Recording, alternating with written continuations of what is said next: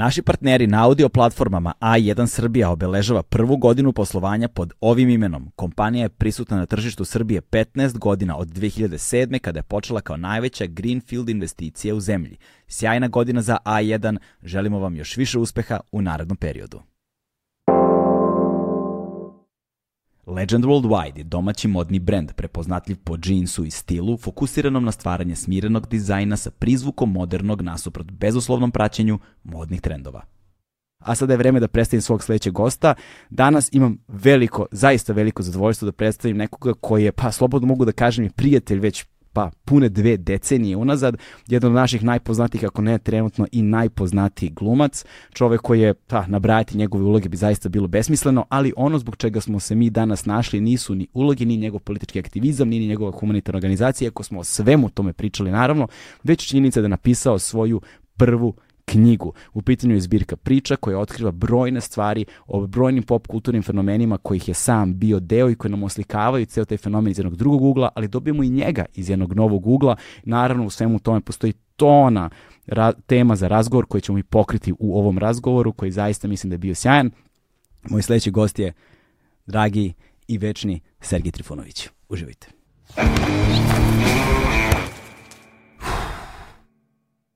Hmm.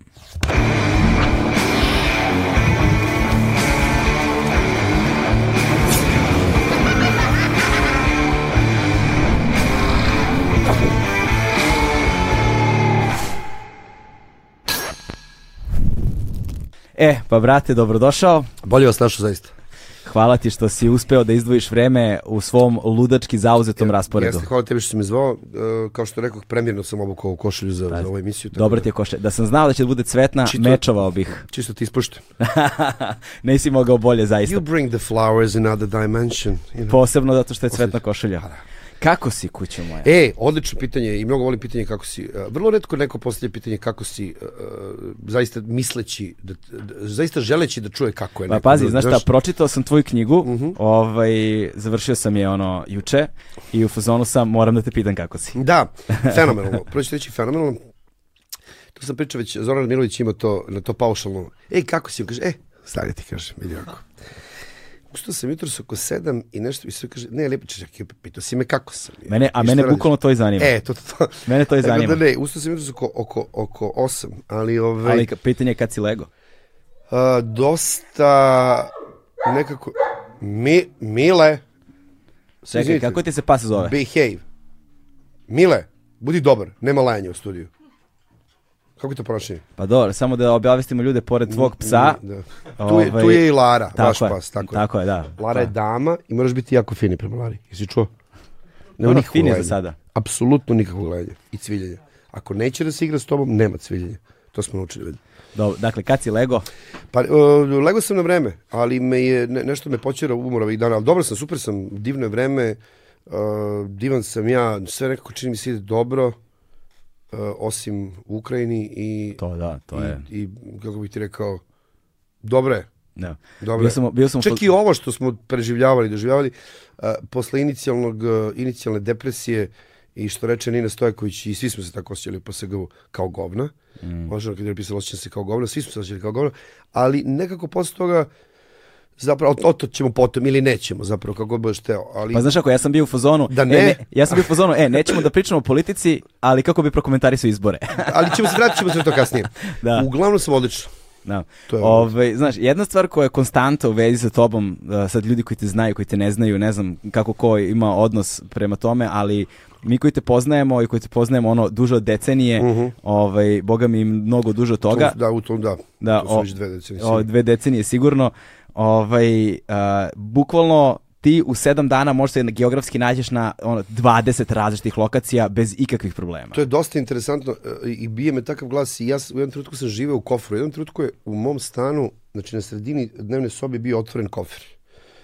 On je najveći, imaš kao uvijek jedan veći, pa ja malo manji. Da, da. On, je, on je veći bio otvoren i uvek su samo dodavale, vadile stvari, da. ovisno o tome gde, kako. Jedno je to onaj, izvini, to nešto ima dodatni rice kao da možda ga proširiš malo. Apsolutno, prijatelju, pa kako a kako, a kako, a kako drugačije. Da, da, da. Dakle, apsolutno taj kofer. O, I ne malo, nego mnogo. Da, da, da, dosta, dosta. Ovaj, a, u jednom trenutku sećam se momenta kad sam, tad sam živio u Los Angelesu i a, tad je počela kriza. To je bukvalno par meseci pre nego što sam pobegao iz Amerike. Mm. A, I kao već mi je bilo svega dosta i krećem, kupujem kartu za Beograd. Nema posla, nema ništa i na putu dok se pakujemo u taj neki kofer, zove me agent, te kao mm, audicija, bla, bla, kaže, ma važi, kao odradit to. I ja puf pred avion na audiciju i spakujem se i odem na JFK, one, odnosno LAX, odletim, sletim preko Londona, sam išao, sletim u London, otvorim mail da vidim je li ima nešto novo, buf, dobio si ulogu.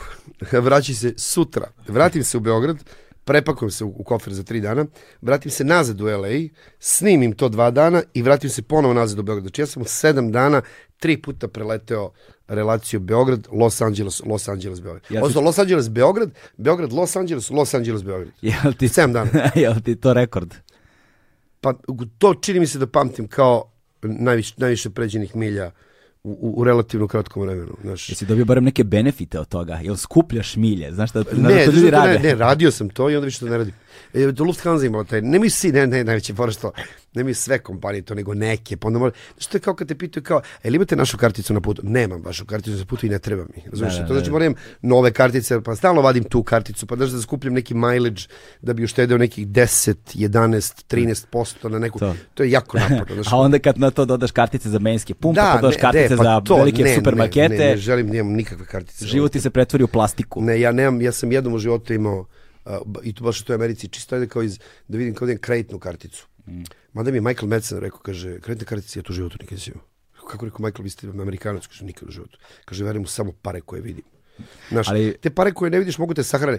I onda sam naravno fajlovao bankruptcy, razumiješ, pošto sam naravno ušao u minus sa tom karticom, jer nikako ima kreditnu karticu ne može da ne divlja. To je vrlo jednostavno. Nemoguće, Znaš, da. ti, pa, zato, zato treba pa, trošiti isključivo pare koje zaradiš i pare koje možeš da vidiš da trošiš. Ali, ali kad već pominjemo Ameriku, a Amerika će nam biti jedna, mislim, značajna stavka ovaj, ovog našeg razgovora, posebno s obzirom na to koliko je Amerika jedna centralno, centralno mesto na neki način. Pa, ovaj, vrlo, da, interesantno ove je, da. Ovaj, a, a u Americi je vrlo simptomatično, sećam se, ja kada sam bio prvi i jedini put, ovaj, a, zanimljivo da ti keš u Americi ne vidiš. Nikad. Ne vidiš ga, on je nevidljiv. Nema, nema keša, ti, ti žvake plaćaš karticu. Sve se plaća Sve se plaća karticu. Znači 0,6 centi. ti- I fora je u tome kad, kad dođe Srbin, koji, na- koji, koji kao navikao na keš, i kad izvadiš 100 dolara. Znači odmah te, samo što ne zovu Muriju. Da, da, da, to. Znači, Čekaj, čekaj, čekaj, 100 dolara. Ko vadi 100 dolara? Razumiješ? Si lud. da, Dođi vamo. Da, da. Jedna mašina, druga mašina. Jeste, u Americi s- sediš na ručku u ono, u prosječnom Da, to američkom restoranu i ovako stiže, stigne poslužavnik sa računima i kao svi bace kartice. Svi bace kartice, da. De, onda je pull in, što bi se reklo. To, to. I onda je kurčenje koji ima značajniju karticu. Koji, koji ima deblju. Ko, ne, da, koji ima ono crna, srebrna, platinum, da, da, to, oni su, to, Oni to. su debeli, s njima dobiješ čovjek. Znaš, to je taj, oni imaju, imaju tu kao dinamiku neku ono e, socijalnih interakcija, kurčenje u karticama. Znaš, pa da kao, To su im krejcarice. pa da bre, to im je, to im je Ko ono, baci bliže rubu poslužavnika. čiji je veći, znaš. Da, da, da. Ali je neverovatno da konobaru ne moraš ništa da kažeš, Ne. on ravnopravno uzme sve kartice i tačno, Tačno ko je šta jeo i pio, tačno, naplati. Naravno. To se podraz... Tako je. Moraš posebno da naglasiš ako želiš ti da Ako naplatiš. hoćeš nešto da da. Da, da. I onda se upisuje lepo bakšiš. Praktiče su, vidiš, Amerika, sad evo na šlagvort, dakle, Amerika je tu zato što ja sam stvarno, to petogodišnje iskustvo življenja u Americi je zaista mene nekako napravilo nekog drugog čoveka. Ja sam jedan čovjek do Amerike, jedan čovjek od Amerike. Šta tačno misliš po time? Pa misli, pod, zato što te Amerika stvarno nauči da se organizuješ Hm, na koji način? na svaki mogući način. Prvo toga što moraš da sam živiš u drugoj zemlji, da fajluješ papire, da sam plaćaš sve svoje poreze, da jako vodiš računa o tome da plaćaš poreze ili ako ne plaćaš porez, ako fajluješ ono zero tax, što bi se reklo, nema nisam zaradio ništa ove godine, znači ali vrlo, ali vrlo uredno moraš da vodiš računa o tome. I onda kad kreneš to, onda naravno ti ne pričamo o divljanju u saobraćaju, znači kad sam četvrti put platio kaznu od 500 dolara, što mu došlo oko 2000 dolara, rekao čekaj, ću ja da vozim limit, jebe, matri, pa niste i pameti. Znači vozit ću ko baba, ono 65 milja, nisam baš toliko lud. Da, da. I onda te nekako, Amerika te baš tako fino nekako sklopi, sabere, ali te nauči mnoge stvari. Ne sam, ne, one te, znaš sad da me ne, ne, ne shvati neko pogrešno, ne ograničite ona ništa. Da. A, nego u smislu da te zaista nauči da, ja odgovorno tvrdim da fondacija podrži život koja je spasila 131 dete i dakle i u ovom trenutku je Zvispik 5757 i donirali ste, digli smo na 200 dinara, konačno to sam obećao u prošlom nekom intervjuu da ćemo, bilo je 100 dinara, znači porukom donirate 100 dinara, sad je 200 dinara, konačno smo se tu uspeli izboriti za to, Ove, dakle 5757 i doneli stavit ćemo, stavit ćemo e, i u opis i stavit ćemo, tako je. Uglavnom, znači ne bi, ne bi se desila fondacija podrži život da nije bilo američkog iskustva. Mm. Jer ja, znaš, kad, kad je Zlatibor Lončar poslao policiju za organizovani kriminal u pomenutu fondaciju, onda je neko, čini mi se, da li Ivan Ivanović ili Draža Petrović, neko rekao, ne, Srđan Dinčić je rekao. A, Dinča, okej. Kaže, okay. ovaj, kako bre, sad je Sergiju Trifunoviću policiju za organizovali kriminal, on čovjek ne može se organizuje dođe na snimanje. Kad stvarno, ovaj, i, da, i SBPOK, brate, da, da, da, naučiš nešto od njih da, možda. Da, i zaista SBPOK je češlja tamo 10 meseci naše, da ne kažem šta. Ovaj, uglavnom, um, samo lepe stvari. Da, Uglav... evo, trebalo nam je ukupno šest minuta da počnemo razgovarati o politici. ne, ne, ne, ovo nije politika, ne, ovo nije Šalim politika. se. Ali, vidi, ali, ali, pazi, ali sve je politika. Ali super, da upravo sam to htio ti kažem. Ne. Sve je politika, prijatelj. Mislim, će me se sudarati tim kao crno Martinelo, to nema priče. Mm. Ovaj, dakle, a, ne bi bilo te fondacije da nije bilo američkog iskustva, zato što ja zaista ne, ne mogu da sebe zamislim da ja organizujem nešto pogotovo neku fondaciju koja to bi, bi to bilo potpuno nenormalno pre toga. Mm. Ali kažem ti Amerika te tako lepo nauči da koristiš svoje postojeće i čak vadiš nepostojeće resurse da se pardon prosteš preko praga svojih mogućnosti, pogotovo za one koji nemaju talent za takve stvari, kao što ja evidentno nemam. Da. Ali ovaj tako da Da, da, da. Amerika... Seć, ono, kad, ali, kad te zaustavi, ali kad te zaustavi policajac u Sjedinjama američkim državama i onda je tačno ono, znaš, kao a, ruke na volan, Znaš, ne smeš da spuštaš... Nema zezanja. Pa da, nema zezanja, ruke na volan, znaš, zna tačno kako se prilazi automobilu, od, spuštaš prozor, nema izlazaka zajebavanja, ali ono što meni... da se vide. Tako je. Dole može da bude pištolj. Ja sam prvi put kad sam... Pritom, zavisi gde, od države do države. Dakle, država Kalifornija ima... Uh, država Kalifornija koja je u tom trenutku bila najbogatija američka država, sad više nije, ali je sigurno bila jedna najfašističkija država. Tu nema, tu nema priče, znači to je... Pa sad njihovi, su pokazali prilično njihovi, isto. Njihovi policajci su sine roboti ne, ne, ne zajebavaš se s robotima. Dakle, ja sam prvi put kad su nešto zaustavili to u Newport Beachu, da nema gde, gde, gde, crnac nikad nije stao, kročio nogom, gde je baš onako white, rich neighborhood. I ja kao, ba, zaustavili su me, ne znam ni zašto. I ja kao krenuo friendly da izlazim iz kola. E, kao, slika koju sam video je ono, training day, njih pet. Č, č, samo čuš repetiranje pištolja. Č, I ovako pet ganova upereno u meni. I ja kao, ok, ok, ok, ok, ok, ok, vraćaj se, hands on your wheels, don't move, show us your ID. Ništa, ništa, ništa, ništa. Sva seća pa si beo. da, e, uprosto te ti kažem, da sam bio malo tamniji, ne Ovako znam, kao ja negde. E, ne znam da li bi se, ne, recimo ti, ne znam da li bi se vratio auto. Pa da. Ne, mislim, ne znam se pritom. Pa znam, najgore, znam, znam vrlo, vrlo, ovaj, da, ovaj, ali si provalio šta, šta mi se dopada u celokupnom tom, ono, rigidnom takvom robotizovanom sistemu, a prva, stva, prva rečenica koju policajac izgovori kada te zaustavi, mm -hmm. pitate da li znaš zašto sam te zaustavio. Da, tako je. Prva. Prva rečenica koju ja pitam svakog policajca koji me ovde zaustavi, koji je nesrećnik, mora da radi na normu, to mi je priznao jedan policajac, oni moraju da imaju normu ljudi koliko zaustavljaju, znači oni zaustavljaju šakom i kapom, da. jer se odatle puni, bla, bla, tikad. A, ima još goru foru da moraju da, da zovu načelnika a, kad zaustave poznatu ličnost, jer to odmah mora da ide u kurir, alo, Aha, to ne znam. Da, da, da, da, da, da, da, da. Zaustavlja me čovek i kaže, aha, aha, vi ste samo trenutak. I vadi ovako pištolj i kažem, šta radite? Dakle, pištolj, misliš telefon? A, da, pa mislim pištolj, telefon isti kurac. dakle, ovaj, da. ubojite jedno i drugo. I kaže ovako, da, da, da, uhvatio se. Rekao, šta, šta, koga vi zovete? Rekao, morate, da ja provalim odmah šta je. Jer pazi, to je, znači u roku od pola sata to je na portalu kurira. Dakle, oni kad zaustave poznatu ličnost, pogotovo poznatu ličnost koja niš, nije baš u suglasju sa vladajućim mm. strukturama, ne ide iz dlaku. To odmah mora bahata vožnja Sergija Trifunovića, Prošonaca. Znaš, mislim, sve se to naravno pumpa. Uglavnom, pazi ti tu panduraciju. Ali naravno moje prvo pitanje e, policije kad uzete ovde e, je zašto ste me zaustavili? Da. Pa ne kao provera, koja provera? Jer pazi, policajac ne sme po pravilu u Americi da te zaustavi ukoliko nisi napravio prekršaj. Tako je. Znači, e, sve ostalo je ometanje u saobraćaju, prijatelju. Znači, imaš ograničenja, imaš radare, vozi kući. Znači, meni se desilo od Slavije do Lekinog brda, nije to je kilo, Ali... kilometar i šesto, da me pet policijskih patrola zaustavio. Znači, petom sam rekao, da. djeci, a, jel ima neki, znači, koordinator u, u, va, u vašoj muri, jel na LSD-u, jel pijan, čime se drogira, jel, jel šmrče ženine čarape? Koji bi rekao, jeste, jel ste normalni? Znači, vas ima pet patrola na 200 metara, bre. Da, da. Da ne pričam da stoje na sred ulice. Znači, vi ste ljudi koji ometate saobraćaj. Vi mene sprečavate, ja zbog vas idem kući 48 minuta duže. Jer svaki, da li ste nešto pili? Nisam, ne pijem. Da li imate ikakav problem da izvršim alko test? Pa čekaj, upravo si me pitao da li sam nešto pio. A rekao sam ti nisam. Ako ti kažem da imam problem i da neću da izvršim alko test, šta će ti reći? Sad on je zbunjen, pošto nije navikao da ta, pa uh, morat ćemo da.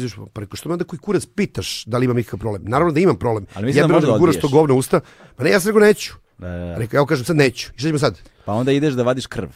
Ma mislim, tereti se bro pizdu materu, mrknuo sa kući bre. I sad svako mora ti stavlja na govno ti duva. Petom sam se najbo majke i on je to ako strpljivo izdržao i rekao, ako spustio s masku, rekao, gospodin Trifunović, ja sam glasao za vas. Stvarno, to je Da, rekao. to je rekao, to je rekao. Ja sam rekao, dobro mi si mi izvini, prijatelju, si ti sad kolateralna šteta. Znači, pet patrola ispred ovde, razumiješ? Da, da, da, da. Tako da da, pa policajac te prvo pita, da li znate zašto sam vas zaustavio? Tako je. I po, nije, samo pitanje o metanju Jer te nije zaustavio bez razloga. Pa da, ne. Nikad te ne U Americi nema šanse da to je fora. Da te drka bez razloga. To, To, su, to su mi objasnili, nije samo da ometanju saobraćaja, nego generalno za policiju to važi, bez obzira da li Tako van saobraćaja, ne nema, nema ono random pretres Da, na Nema ulici. random pretres na ulici. I gde vidim tvoje lične karte? Ko si, zašto bi ti vidio moju Ne. ličnu kartu? Znači moraš da imaš opravdan razlog zašto to Tako je, radiš. sad to se zove poštovanje građana. A ne, a ti sad imaš zemlju... Ti imaš svoju slobodu. Tako je. A ti imaš zemlju u kojoj Burazeru, dakle, a, evo ti pre deset dana napadnu Pavla Grabovića, prebiju ga, SNS-ovci koji nose duple biračke spiskove u mesnu zajednicu, znači nisu ni postorima SNS-a, dođe policija i ne sme da uđe u mesnu zajednicu. Da, video sam to. I policajac kaže, mrtav vlada napadnutom licu, pa što se niste bolje branili? To je izgovorio policajac, koga ćemo takođe krivično da jurimo i gonimo.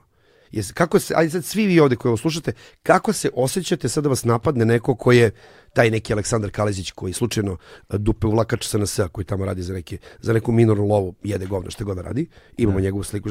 I sad kao on te nap udarite pesicom u glavu, aha, ali ti je javio Vulin a, koji je isto tamo gde, gde visi, gde su svi u istom rektumu, kao, e, ne, njega ne, on je naš, kao šta, i Belivuk je bio vaš, Da. i Belivuk ima značku, cijela njegova ekipa.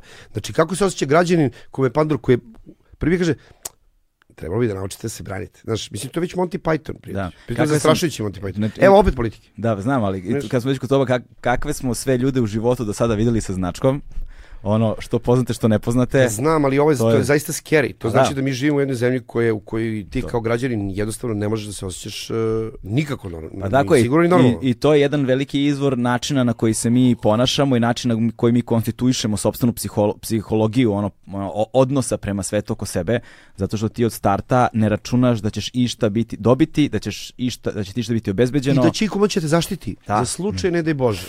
Pa to se podrazumeva da neće. Podrazumeva se da neće. Da, da, to je kao, ne, To je rođen si i odrastao podrazumevajući da Ovo je neće. najstrašnije. sve. Mada ja nisam, ja sam živo u zemlji koja je, moram priznati, bila dosta Ti drugačija. si 10 godina stariji od mene. Pa tako. znaš, ja sam ipak Ti živo si sad Jugos- pola veka, majko. Da, Če- da, za, za sledeće godine i pola veka. Znači, ipak sad možemo da kenjamo Čekaj, komunistima. ili sledeći ili ove?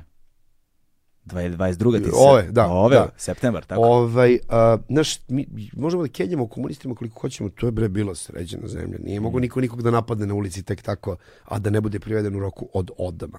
Da, da. Nema, nije bilo divljenja. Mm. Znaš, kao komunisti su propastili zemlju. Nisu komunisti, nego su ovi seljaci propastili zemlju. To. Da se vratimo ma, Da ma- se na, vratimo da se vratimo na, na- da se vratimo na temu kao koju još nismo ni započeli, ali nema veze, Mhm, sviđa mi se ovako.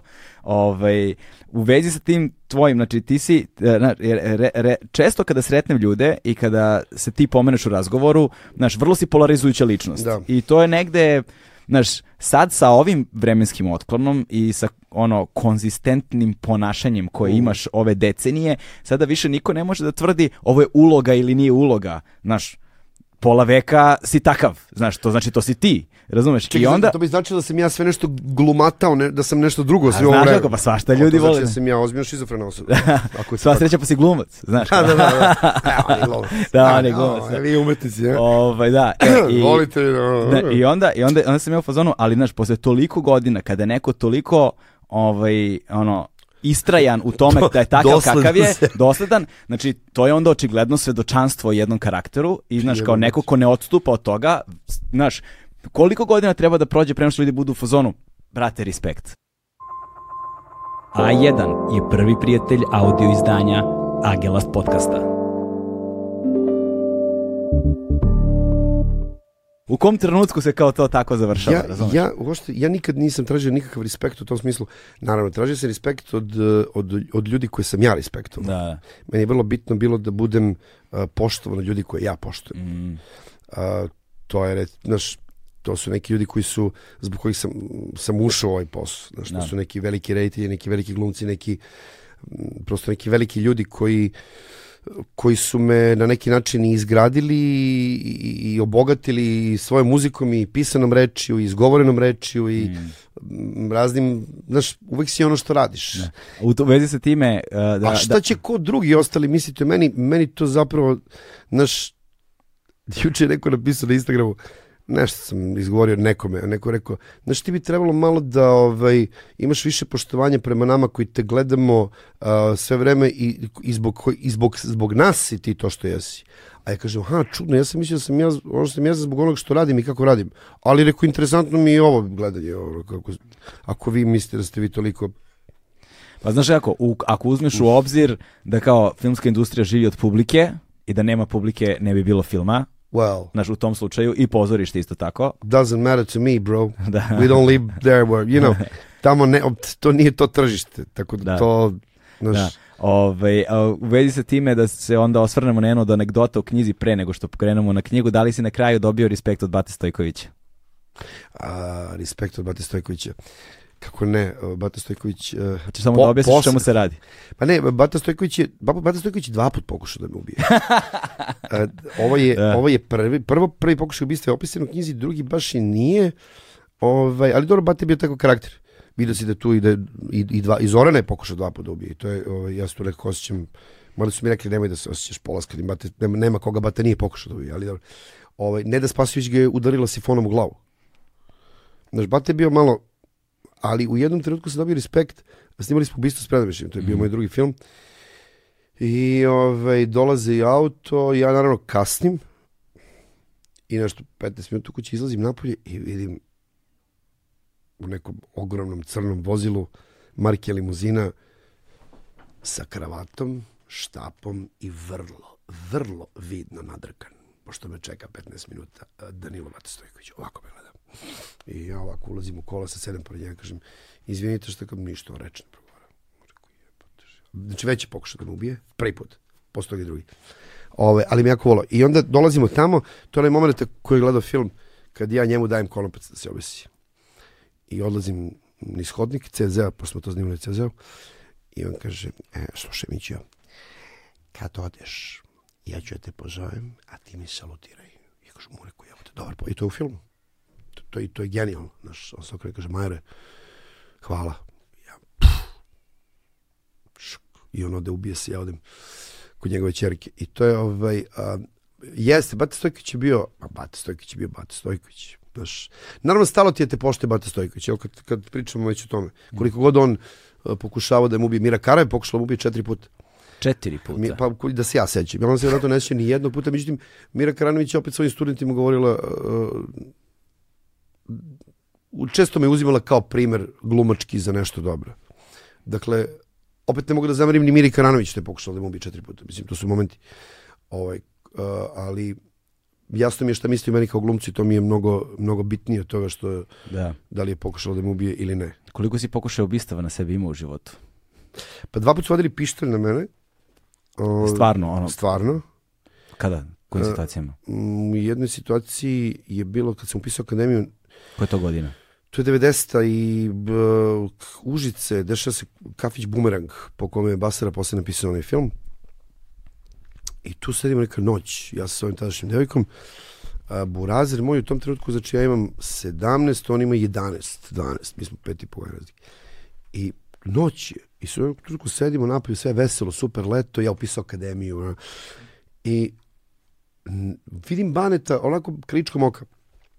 On je tad bio heavy metalac, imao je dugu plavu kosu. Od ovde. I ako tu svi čač, i čučne ovako. I ko ništa, ja se čak i ne zapitam, pošto sam pod adrenalinom, otkud to dete tu dva ujutro, razumeš? To dete, bre, ja, Pa Koliko on ima os- 90 pa, godina? znači 90, on je 78, znači ima 12 godina. 12 12 I, ovaj, I u jednom trenutku Dušica, to moj deko kaže, ej, neki čovjek ti odvede brata. Ja ga pogledam, tip u nekoj majici, onaj, sa, sa bretelama, onako nabildovan, u farmerkama uvatio baneta pod mišku i vodi ga negde. I mi za njim stignemo ga, ja rekao, ej, ovako za rame, i on jebe malo telefonira udaraca, malo je bio niz, niz ulicu. Pusti ga i kreće pesnicom, neko je to savršeno leglo na blok, paf, direkt obojica skočimo na njega i izgazimo ga. Neko je skočio, Zoran Filipović na špiti, dosta Trifunović, je rekao, a Trifunović ustaje sad krvav i kaže, jebaću vam ja, majku. Ma rekao, možeš Trifunovićem, ba, i samo ako stade frajer. I samo čuješ, čk, čk. Frajer sve vreme ima štoljpi koji ne vadi. I kad ga izvadio po razeru, kad sam ga vidio ovde, znači samo smo nestali kao oblačići, ovako, puf. To je bio prvi put, drugi put je bio u četiri sobe. Mm. Ovaj, ja Za, ušao- za one koji ne znaju četiri sobe klubu u Rigi Da, od Fere, beš, da, tako, tako da, je, tako da, je. da. Ovo, Drža Ne. Đorđe Stajkić i Marin Bucalo i neka ekipa. Tu je, tu je Zvezdan Slavnić ubio onog dečka. I, I bio sam i to večer, vidio sam lokvu krvi, zapravo sam došao 15 minuta pošto je taj dečko bio. I tu je bila četvrta soba, bila neka mala soba, to je recimo vreme stršljena. Ovaj, pričam nezgodno vreme zato što ulaziš u prostoriju i sad sad su naravno raznorazni krimasi. Ovaj, ja tad nisam znao šta je kokain, posle sam shvatio i reminiscirajući oči tog tipa. Ja sam ušao da vidim koga ima i sad muk je. Znaš kao sve žene te gledaju, a svi njihovi fraji bi te odmah roknuli. Što jedan pokušaj da uradi, kako je video, vjerojatno je bio našiban, ustaje kao čk, čk, i opet, paf, pištolj. Što si ti rekao faca ovde, a? Interesantno je da ja u svim situacijama, kao i ovaj kad sam izletao 200 na sat, i kao i milion drugih situacija kojima sam bio jako blizu smrti, što je veće sranje, ja sam pribraniji. Mm, da, to si lepo opisivao u knjizi. To je neverovatno. To je neki ono... Ja inače nisam baš... Ali što je veće sranje, ja sam potpuno u Matrixu. Ja sam stvarno u svakom deliću stotinki. I ovaj, sad ja vidim tu cev koja stoji ovde, ja žvaćem neku žvaku i držim cigaru. Ja kažem, dobro. I rekao, ti ćeš sad šta? Da ispališ meni metak u glavu? I ovdje to, to je kao ispod durima. Malo kad se su- sudariš sa logikom, jedan put možda i njemu prošao čak i se da ga roknem. Zašto, pičko? Mada su ljudi onako rokali za ništa. Da, taj dečko je Govorimo o 90-im I ipak. taj da. dečko je roknut za ništa, koji je roknut tu, Da, da. bez veze. Ovaj, a, I on nekako ništa, stoji tu neka nenormalna tišina, on spusti pištolj, sede kao da ništa nije bilo. Ja ostavim još malo tu da minglujem, pogledam šta ima, javim se svima, izađem napolje, ko Clint Eastwood i tek negde posle 20 metara mi klecnu noge. Što, nekad prođe sranje. A, Ovaj- Kad popusti adrenalin, Da, kada kad popusti, postaneš znači, svestan šta se ne desilo. znaš, ti zapravo kad, kad, kad ti se desi tak, takav, takav ono major kamen, ti, ali zaista nevjerojatno koliko ostajem pribran. To je fascinantno. Mm. To je jedna stvar. I paničimo u nekim situacijama koje ne da nisu za paniku, nego Da, da, da, kao kad nema pljuga na trafici. Na, e, to je ozbiljna panika. Da. Evo, juče me Svetozar Cvetković zove, nema Amerike Spirita kao out of stock. Pa kako nema, bre? Da. Razumeš? I ovaj, to je jedna od stvari koja me baš uh, po, pogađa prilično, ne, kako, sve, sve, sve svi trendovi su jel te, u ciklusima i ponavljaju se i kroz vreme i idu, na, znaš, Mhm. i onda se stara vremena vraćaju u nekom novom ruhu i tako dalje i onda u jednom Znaš trenutku kako rekao Ziri, istorija se uvijek ponavlja dva put. Prvi put kao tragedija, drugi put kao farsa. kao farsa, tako Da. je, onda treba znati razliku između ta dva. Tako je. Ovaj, pošto često ljudi ne Oj. znaju. E, ali je fora u tome što onda, recimo, jednom pre nekoliko, ne, nekoliko godina, sad već ima više godina, nemam pojma nija koliko, uzdravlje kućo. Ovaj, A, Bagreb. Znaš, glo- globalno, globalno, globalno je kao krenula, krenula ta pomaza, pomama za 80-im i 90-im, kao revival 80-ih i 90-ih, znaš. Sve se stalno vrti u krug. Pa da, sve sve stalno ciklusi koji se vrti u krug. I ovaj i sada je kod nas sećam se kada je to krenulo polako bila u početku je onako bila skrivena frkica među agencijama i to zastupnicima od modnih brendova ovoga onoga jer kao radi se radi se retro modeli patika, retro modeli odeće modnih brendova što ti ja znam jer je to sad kao nova moda, znaš. Da. I ovaj i sad kod nas u početku imali malo otklon kao kako ćemo mi sada svuda u svetu kao 90 se vraćaju kao modni izraz. A kod nas su ono, znaš, Kod nas nisu ni odlazile. kod nas nisu ni odlazile, znaš, sad Kako kao, mislite vraćaju se? da, kao, i sad brendovi treba, ne znam, da, da, da ponovo vrate kao, kao naš neke modele patika, na primjer, iz 90-ih i kao imaju problem kako to da urade, kako da rade retro reminiscing, a da ga očiste od konteksta, znaš. Da. I vrlo brzo im je, im je društvo samo rešilo problem zato što su očistili 90. potpuno od konteksta i uzeli kao neku opisnu kategoriju, kao desk, deskriptivnu kategoriju i kao živimo re, ono neon, neodizel, svi su kao to, ali kao potpuno lično konteksta. Pa zato što je svaki, eh, svaka dekada pos- kad prođe vreme, ona postaje, ona ima jedan romantično istorijski otklon. Da. Dakle, ako mene pitaš, 80. su bile odvratne. Dakle, 80-ih, eh, Kako ih mi zovemo zlatne 80. ja ti to pričam, dakle, 80 su bilo preodvratne, pričam o, o, o, pričam o umetnosti, pričam o muzičkom izrazu, na primjer. Dakle, za mene su 80-te uh, jednako bile tada bolne kao turbo folk ili autotuning danas. Kao turbo folk 90-ih ili autotuning 2000-ih, razumeš? Jer je u tom trenutku kada imam 10 godina otkrivam Beatlese, ceo moj razred sluša Modern Talking, Kaija Gugu, Spandau Ballet Da. i ne znam, kako bi ti rekao, Duran Duran su Beatlesi za sve to. Je. Da, da, Znači, međutim, kad prođe vreme i ti sad kad se vratiš, imam čitav folder 80s, pa to je genijalna muzika. Ali zato što je prošlo vreme. I to sad ima jedan svoj romantični potpuni otklon. Znaš, to isto se dešava i sa dev- 90-ima, onim odvratnim 90-ima kod nas. Niko neće kao ja ne osjeća dodi tvoj. Znaš ono što vrte tamo na freestyler utorkom. Mislim, ne znam šta Mislim, vrte na i freestyleru, sad to kad slušaš, to mu dođe kao klasika jebote.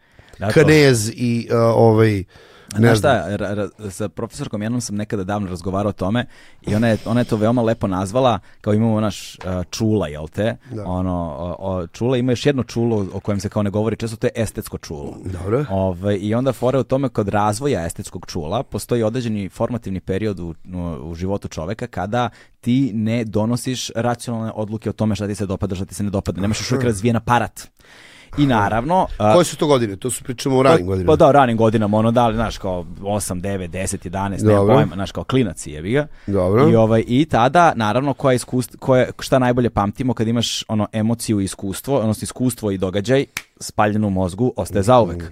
Znaš, i onda muzika koja se nekritički upija, znaš, kultura, ono, dominantna kultura koja se nekritički upija jer si dete, Razumeš? Da. I onda 20 godina kasnije, ti kada, znaš, sad si razvio Kad nek formiraš formiraš svoje kao estetsko čulo i sad ti čuješ nešto, sranje ti je, ko ovo ne bi u životu slušao, ali kad ti pustim nešto iz tog perioda, nostalgija ti proradi, Jest. emocija ti proradi, bez obzira što je to sranje, ti znaš da je to sranje. to, ali če, pazi, neke, otkrio sam da su neke pesme iz tih, recimo Big in Japan. Da. To je remek delo pesme, čovječe. A tad mi nije bilo. Znam, Big in Japan. Da. I oni imaju još jednu pesmu. Kako zove oni? Oni se zovu... To, kako?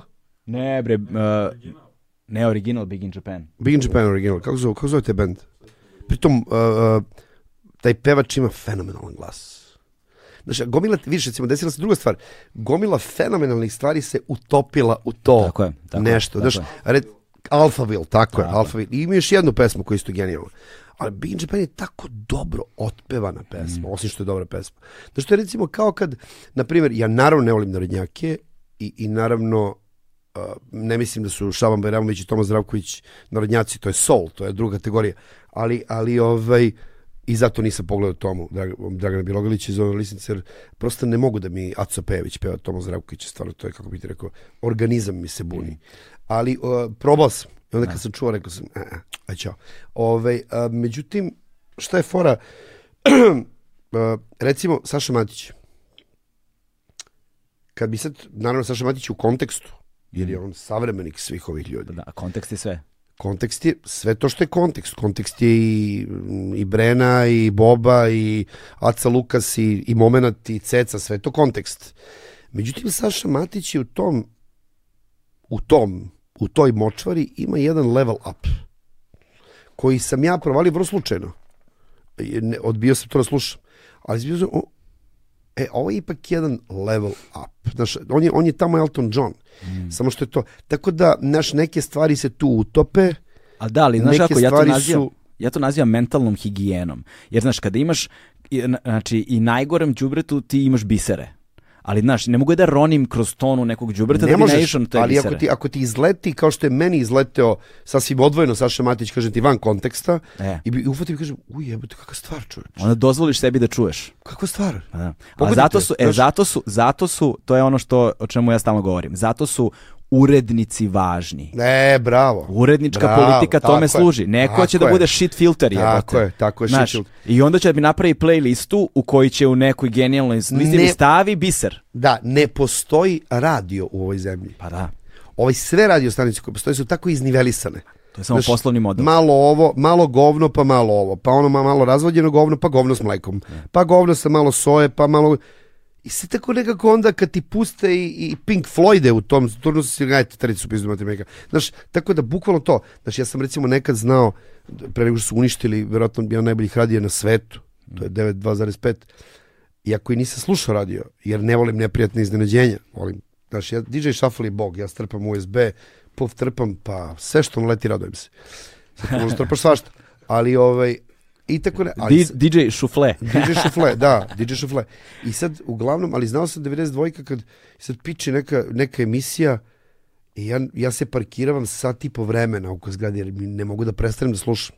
Da, da. Znaš, vozim i... i To ja sad idem sa čerkicom, znaš, Da. to ja- sad idem sa čerkicom, parkiramo se i čekamo da se završi pesma. Da, da, Znaš, da. ali to je potpuno, ono, vraćam se jednoj dimenziji života koju kao da sam zaboravio, kao da je toliko davno bila da mogu slobodno kažem se nikad nije desilo. Da. Mhm. Kao da nov, ponovo otkrivam to iskustvo, kao se, znaš, ili na primjer sa podcastima sam otkrio da odjednom me više ne, ne nerviraju saobraćene gužve. Kako to? Pa lepo imam podcast koji slušam, ono, na primjer, Aha, bin- binge-ujem, aha. binge-ujem epizode, Tako True Crime da, ili nešto, da, da, da, cliffhanger i šta će se Imaš šta da desiti. radiš, tako, Crveno svetlo, do jaja. Idemo, Idemo, čao, čao. nek traje pet A, i minuta. on, zvon, evo, evo, evo, ništa, izvinite. Da. I onda čekam u kolima se završi epizoda da bih Tako, izašao, znaš. Jasno, kao dan. I sećam se da sam gledao relativno skoro neku, neku, neku ono, komediju s početka 2000-ih ili šta sam gledao, neki tako film i vidim kao... Gledaš film u kolima. Šta? Gledaš film ne, film u kolima. sam gledao kod kuće. Gledao sam, gledao sam kod kuće i, ovaj, i onda kao glavna glumica ili glumac, već sve sam zaboravio. Samo znam da je na CD-u su slušali, a, a, bio je audio knjiga a, Jeffrey Eugenides Middlesex. Mhm. I kao, znaš, idu na neko putovanje i na kraju putovanja se uparkiravaju i kao ne izlaze iz kola, čekaju da se završi knjiga. Da, da, da, Znaš da, to? da, da. Potpuno izgu, izgubljene Da, navike. Jeste. Sve Ja nam je sada on demand. Ja ga, sam ali- nosio knjigu, znači naj, naj, naj, zvanično najzakrčeniji autoput na svetu je 405 u, u, u Los Angelesu i to je stvarno ne do ti Bogu, do 2 do 7 knjigu nosiš, ja prolim, nema zašto bi se nervirao, knjiga u razinu. Ma, pa, prva, druga, knjiga. E, ali, ali teško je ljudima objasniti uh, saobraćenu gužvu u LA-u. To nije gužva, to je... Pa to kao, kao neki horror film. Da, ljudi misle da su ovde gužva, kao Ljudi- ne. Da, ja kad sam onda došao iz LA, živio sam, sećam se, živio sam u, nije Rakovica, Miljakovac, u Bogdana Žerajića sam živio, 36. I, ovaj, i sećam se ranije od, od Miljakovca do, do grada. Brate, to su godine. I onda sam nešto, kad se vratio iz LA, trebao za Miljakovac, ko je preko, to je tu. Da, Sve se, blizu, bre. To može i peški. nije, ba, može i peški. Da. Što više ništa nije daleko. Kad se vratiš iz Amerike, ništa ti više nije daleko i ne mrzim nikad da vozim. Da, i to je, da, Amerika je ono zemlja na točkovima. Apsolutno. Sve je na točkovima, celokupna industrija. I meni veliko otkriće u Americi Ima je i gde bilo- da se vozi. O, to, da. I sve je podređeno tome. Da. Odeš u najgoru vukojebinu, imaš gde da spavaš, Tako imaš gde da jedeš, Jest. imaš da napuniš ono električni automobil, Jest. sva, sve šta živo imaš. Šta hoćeš? Ovaj, ali mi je isto tako fascinantno bilo uh, putujući po Americi, jer eto, bio sam jednom, ali smo baš proveli onako intenzivan period i uzeli smo, rent, uh, pa bili smo oko dva meseca Mhm, super. i uzeli smo Ne. renta car, uh, na, ono, sleteli na O'Hare u Šta ste Chicago. rute bile, baš me interesuje. E, pa ovako, obišli smo 25 saveznih država uh, za dva meseca. Ti si obišao više nego, nego 70% Amerikanaca A da, u išli, životu. išli, smo, išli smo od, pa- a- a- od Atlantika do Pacifika, od, Dobro. od Tijuane do... do, do Išao si coast to coast. Coast to coast sam išao. A, to nikad nisam išao. Išao sam, išao sam, ali pazi ovako, išli smo uh, Route 66 kad smo išli od To Coast to sam Coast, išao nekoliko od, puta. od Chicaga do, do Santa Monike, jel te? Dobro, tako je. Ali kad smo se vraćali sam išao Coast to Coast, onaj Highway 50, the loneliest road in America. Znam, znam. Kao prava vozi se. linija što ide je. preko i to je ono, to je mučna vožnja, I pravo ti Route kažem. 66 isto je ono, fantastično. Još te- ceo, to, je- to je trip od, od, LA do Vegas. To je tih četiri po čuki da prolaziš dolinu smrti. Mm. Tako je, tako je, Route da, da, da. 66 i to je dolodilo mozga. Sve i onda smo bili, naravno, ono, znači išli smo, šta je to bilo? To je bio Illinois, pa Mhm. onda ide iz Illinois, ja sad da se setim da li je Missouri, Indiana, Missouri, uh, Kan- Kansas, da, da, tamo St. Louis, to se prolazimo, pa onda sečemo tu, idemo, ovaj, kako se zove, uh, gde su ovi, um, uh, uh, ja, sad mi je stao mozak, pre Teksasa, gore, nije, North Carolina, uh, sad kako zove, gde, ima, one, one, ima NBA klub Thunder se zove tu. Oklahoma, Oklahoma, čoveče. Oklahoma, e, Oklahoma, Oklahoma. jeste, tu smo bili, tu smo se sa Rajakovićem našli, on je tad bio trener tamo, pa smo Mhm. se s njime bleli, pa smo se spustili dole, da, te Texas, Texas mi je ludilo, Texas je ludilo. ludilo, Ludilo van Texas. pameti i to smo bili ono San Antonio, Dallas, Svi vidio kako su Houston, lepe žene u Teksasu. Kako su cool ljudi u Kako Texasu. su cool ljudi u Teksasu, kako su lepe žene. I stvarno se veće u Teksasu, za naj... Jes, jes. Teksašanke važe, važe za najlepše žene na svetu. uh, na- u Americi definitivno I jesu. bio sam u Marfi u Teksasu, ono, on, to je neki, neka umetnička kolonija u sred Vuko jebi. to Jesi je bio u Juti? Nisam bio u Juti. Pizdarija. Pazi, mormoni o kojima mi ne znamo Ja, ne, ništa. čekaj, pro, sad ne znam da sam bio Juti. Jesmo, moram da, mora, znaš, moram da, po, mora pogledam ono magnete koje sam skupljao slušaj, da, za da. frižider kao. Jute, Jut, u Juti su tek cool ljudi. Najkulji ljudi E, koje ja bio sam u Juti, bio sam u Juti, bio sam u Juti, da, imam, sad sam se Mormoni su čudo kako su Da. gotivni, opušteni, duhoviti. Jako su onako... Ali nisam ih upoznao. Fantastični su. Ovaj, I onda smo išli to, ono, Texas, pa sad ide Arizona, New Mexico, Kalifornija, Da. pa onda gore Nevada i, on, i to se... Znaš, mi imamo predrasude kao mormoni. Mormoni su, bre, toliko liberalni, oni su ispred nas mozgom. On- ono što mi je bilo fascinantno jeste da je stvarno svaka savezna država je potpuno drugi narod. Mhm, Kultura, sve se totalno Jeste, jeste. razlikuje. Mi ovde Svaka ima doživljamo... svoje zakone, svaka ima svoje... Da, da. Apsolutno. Ne, ne sme se zajebeš. Da, da, da. Ne sme se zajebeš. Znaš, imaš idiotski, imaš zbir, zbirku i recimo u Tenesiju u jednom gradu je zabranjeno hodanje unazad. Naprimjer, Da, oni imaju puno tih nekih for bizarnih some zakona. reason. Znaš, imaju potpuno idiot, idiotski. Negde kao tipa ve, zabranjeno vezivanje sloma, slona za hidrant. Znaš da, da, kao da, ono, ima, to ona ima, da, ima tih. tako neki nenormalni Poli, zakoni. politikin zabavnik svako malo izbaci listo tih idiotski. da, da. je- Verovali ili ne, pa da, neki da, zakon u Americi. Ma politiki zabavnik i dalje najbolji on, list na svetu, ali ove, i dalje. Ali da, da, to je živa istina. E, i ovaj, da se mi nekako vratimo nazad na temu i ono, i ono, i on, i, znaš, kao trenutak kad sam te upoznao, ti si uvek imao tu neku dinamiku, imao si tu, ne, tu neku sumanu, tu energiju koju ja zaista ne znam odakle ti, da si ti svestan sopstvene energije? Pa, e, ona nije moja energija, o tome se radi. Misliš da je kao, Pa ja mislim, da da je kanališeš? ja mislim da smo svi mi samo provodnici. Znači, onoliko koliko daš, toliko i prospeš, toliko i uzmeš. Ove, Ali si svestan ti te energije o kojoj, ja o kojoj sve, ja sam ne, ja nisam svestan, zato ja ti kažem, to nije moja energija. Ja sam svestan energije koja je u ponudi. Mhm. Razumeš? I ti kanališeš što više. Pa ja gledam da, znaš, pa ja sam svestan energije koja je oko mene i koja je u nama i koja, koja je zapravo, koje, koje smo svi deo. Da. Znaš, sve je to samo posluga, pa je to sve na izvolite. I ovaj, ja sam te energije svestan. Je, I dalje kažem to nije, mi smo svi samo, mi smo svi dobar stojim samo provodnici u Božim rukama tu. I, ovaj, So i, negde, God. I negde ta energija koju čovjek osjeti kad te upoznaje, koju čovjek osjeti kada te sreće, koju čovjek vidi ono šta god da radiš između ostalog, I onda kada, kada, kada ono čujem sa strane kada ono s drugarima nekim našim zajedničkim kad mi pričaju, e sad je bio Sergej ovamo pa je otišao ovamo pa treba da se vratiti Kad ovamo je pa stigo, bre? Kad je stigo bre, znaš ko je sad zovi ga, zovi ga sutra sad je u Španiji, je u- ali nemoj preko sutra jer je u Finskoj, znaš kao kao jednog Da. u Kopenhagenu Da, pa će da. onda da ide za ja sam zonu kad ali ali pazi ali čuvaj se, ali moraš obavezno da u petak jer već u subotu ide za LA, znaš. Da, da, kao- i kao da, i, i to i to nije tako jednomesečno, to nije tako ove godine Ne, ili ume da stane, prethodne. nije, ume, ima to, ima to svoj, recimo, za, za vreme COVID. Ima sezonalitet svoj. Ima svoj prijatelj, ima sve svoj sezonalitet. Da. Ove, za, za vreme COVID nismo skoro mrdnuli pa nigde dve godine. Tako Ovaj, je nastala ova knjiga između Tako je ostalog. na između ostalo da, se im, da, da, da sreća pa si imao vremena da ovo napišem, inače ne bi se desilo. Samo mi reci kako si sa tom sumanutom energijom i sa tom brzinom u kojoj se ti nalaziš uspeo da a, se ukrotiš dovoljno za jednu vrstu smiraja kako zahteva pisanje. Znaš šta, ne, ne treba ti to da se krotiš, taj smir ti je neophodan. Pa da, ali kako si uspeo da, da ga Vrlo ono, jednostavno. molim te mi podeli tu Ne, tajnu. ne, ne, vrlo jednostavno. Taj smiraj je zapravo neophodan kad, kad živiš takav život. Znači, uopšte pisanje, kao i čitanje, je nešto što te prilično fokusira na tačku. Mm. Razumeš me? Tako da, momenta kad otvorim laptop, ja sam već isključen iz spoljnog sveta. Ne treba meni sad neka priprema da se ja to... Ali nemaš Meni on- zapravo to treba da bih pobego od suvišnih i nepotrebnih energija Mm. koje mogu samo da mi uzmu i ne, ne donose mi ništa. Meni ovaj fokus, meni ova vrsta fokusa zapravo je jako potrebna. Da, da, Razumeš me? da. I dolazi prirodno i vrlo neminovno. Kako bih ti rekao, kako otvorim laptop, ja sam... mm, Uf. Aj- Kao kad izađem na scenu. Znaš, kad dođem na poz, u pozorište, što kaže Vlasta Vilosavljević ovaj, kaže, dođe, dolazi 94. godine na probu i kaže, ja jutro se ustanem, znaš, 94 godine, malo me boli ovo, malo me boli ono, i onda dođem na scenu i ništa me više ne boli. Da, Znaš, da, da, da, da. Kad dođeš na probu, ti kad izađeš na scenu, nema više šta da te boli. Da. Znaš, mislim, to su, to su naravno pomerena stanja svesti. Ja se sećam momenta u Pančevu, mi smo treće godina, dakle, počinje upala pluća najstrašnija koju sam imao, koja je trajala 21 dan, da nisam ustao iz, kreveta, počinje tako što ja već imam temperaturu 39,7 i već ne mogu da stojim, ali sam obučen.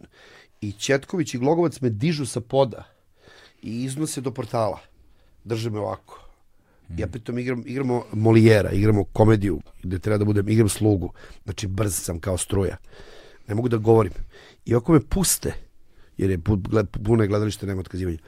I ja potpuno, momente kad, kad te gurnu na scenu, ti već stojiš. Mm, A onda dalje kreneš da letiš. I naravno čim izađeš sa scene, odmah padneš. da, da.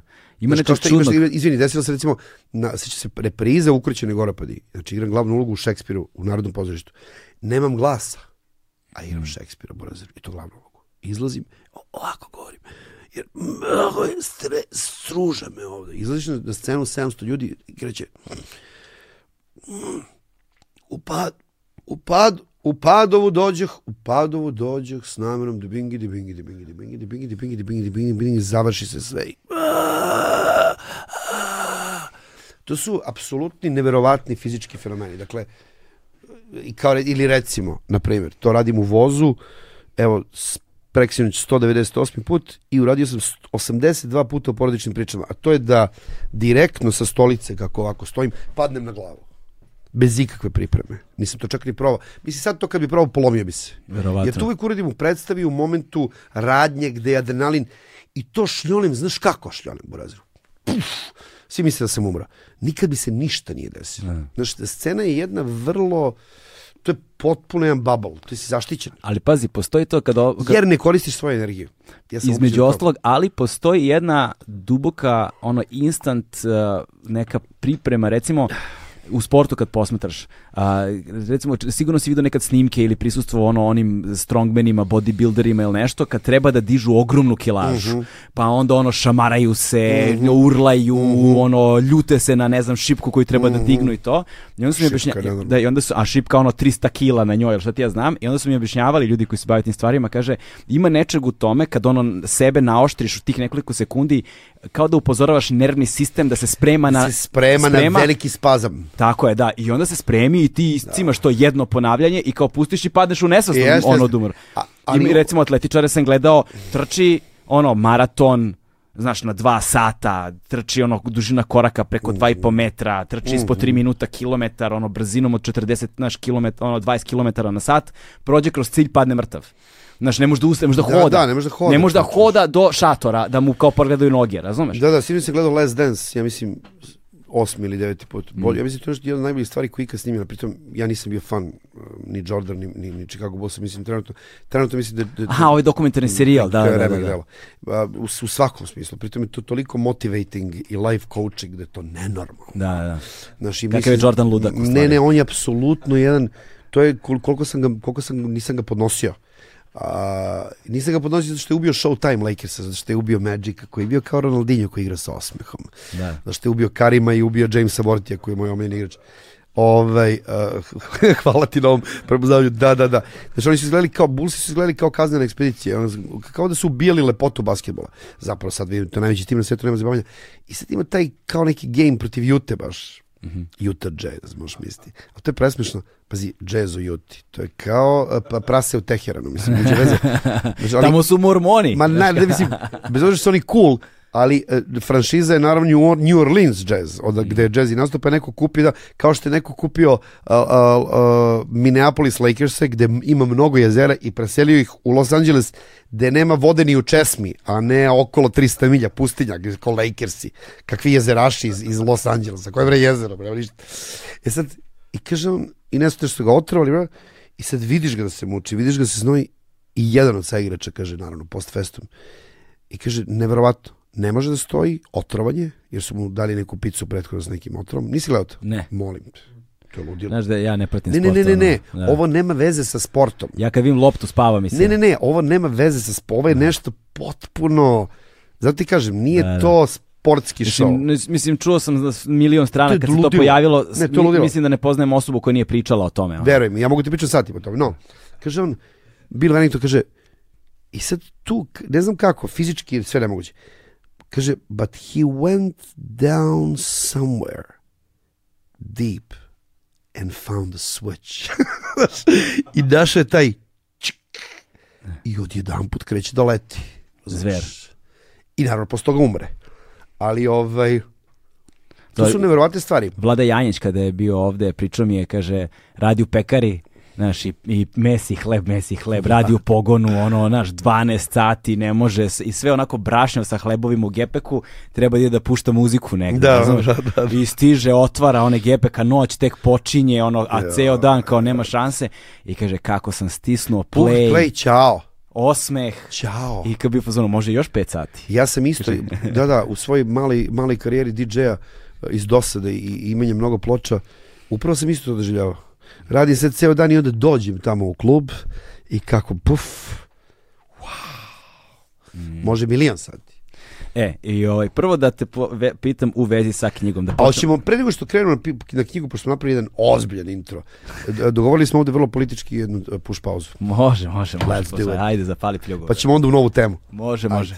I vratili smo se sa push pauze Here we are back. i da počnemo malo se bavimo tvojom knjigom Stovarište. Sergij Trifunović, eh, roman Prvenac, Stovarište. Ovo je zapravo zbirka priča Nije roman, više. da, nije roman. Zbirka priča presečena ovaj, poezijom, koja je dosta zanimljiva takođe. Takođe postoji dosta ilustracija, vrlo zanimljivih crteža zapravo, što intimnih eh, Dece, da. dece, ali ima tu i nekih crteža koji nisu, Da, mislim da su dva, tri samo istog autora, ali tako? a, Alema Ćurina, da. Da, ovaj, i ono što mi je, da počnemo ovako, pre nego što se bacimo na, na samo, na ono što se nalazi između korica, Mhm. da se pozabavimo malo stvarima ovaj, u kon- kon- kontekstom prvo.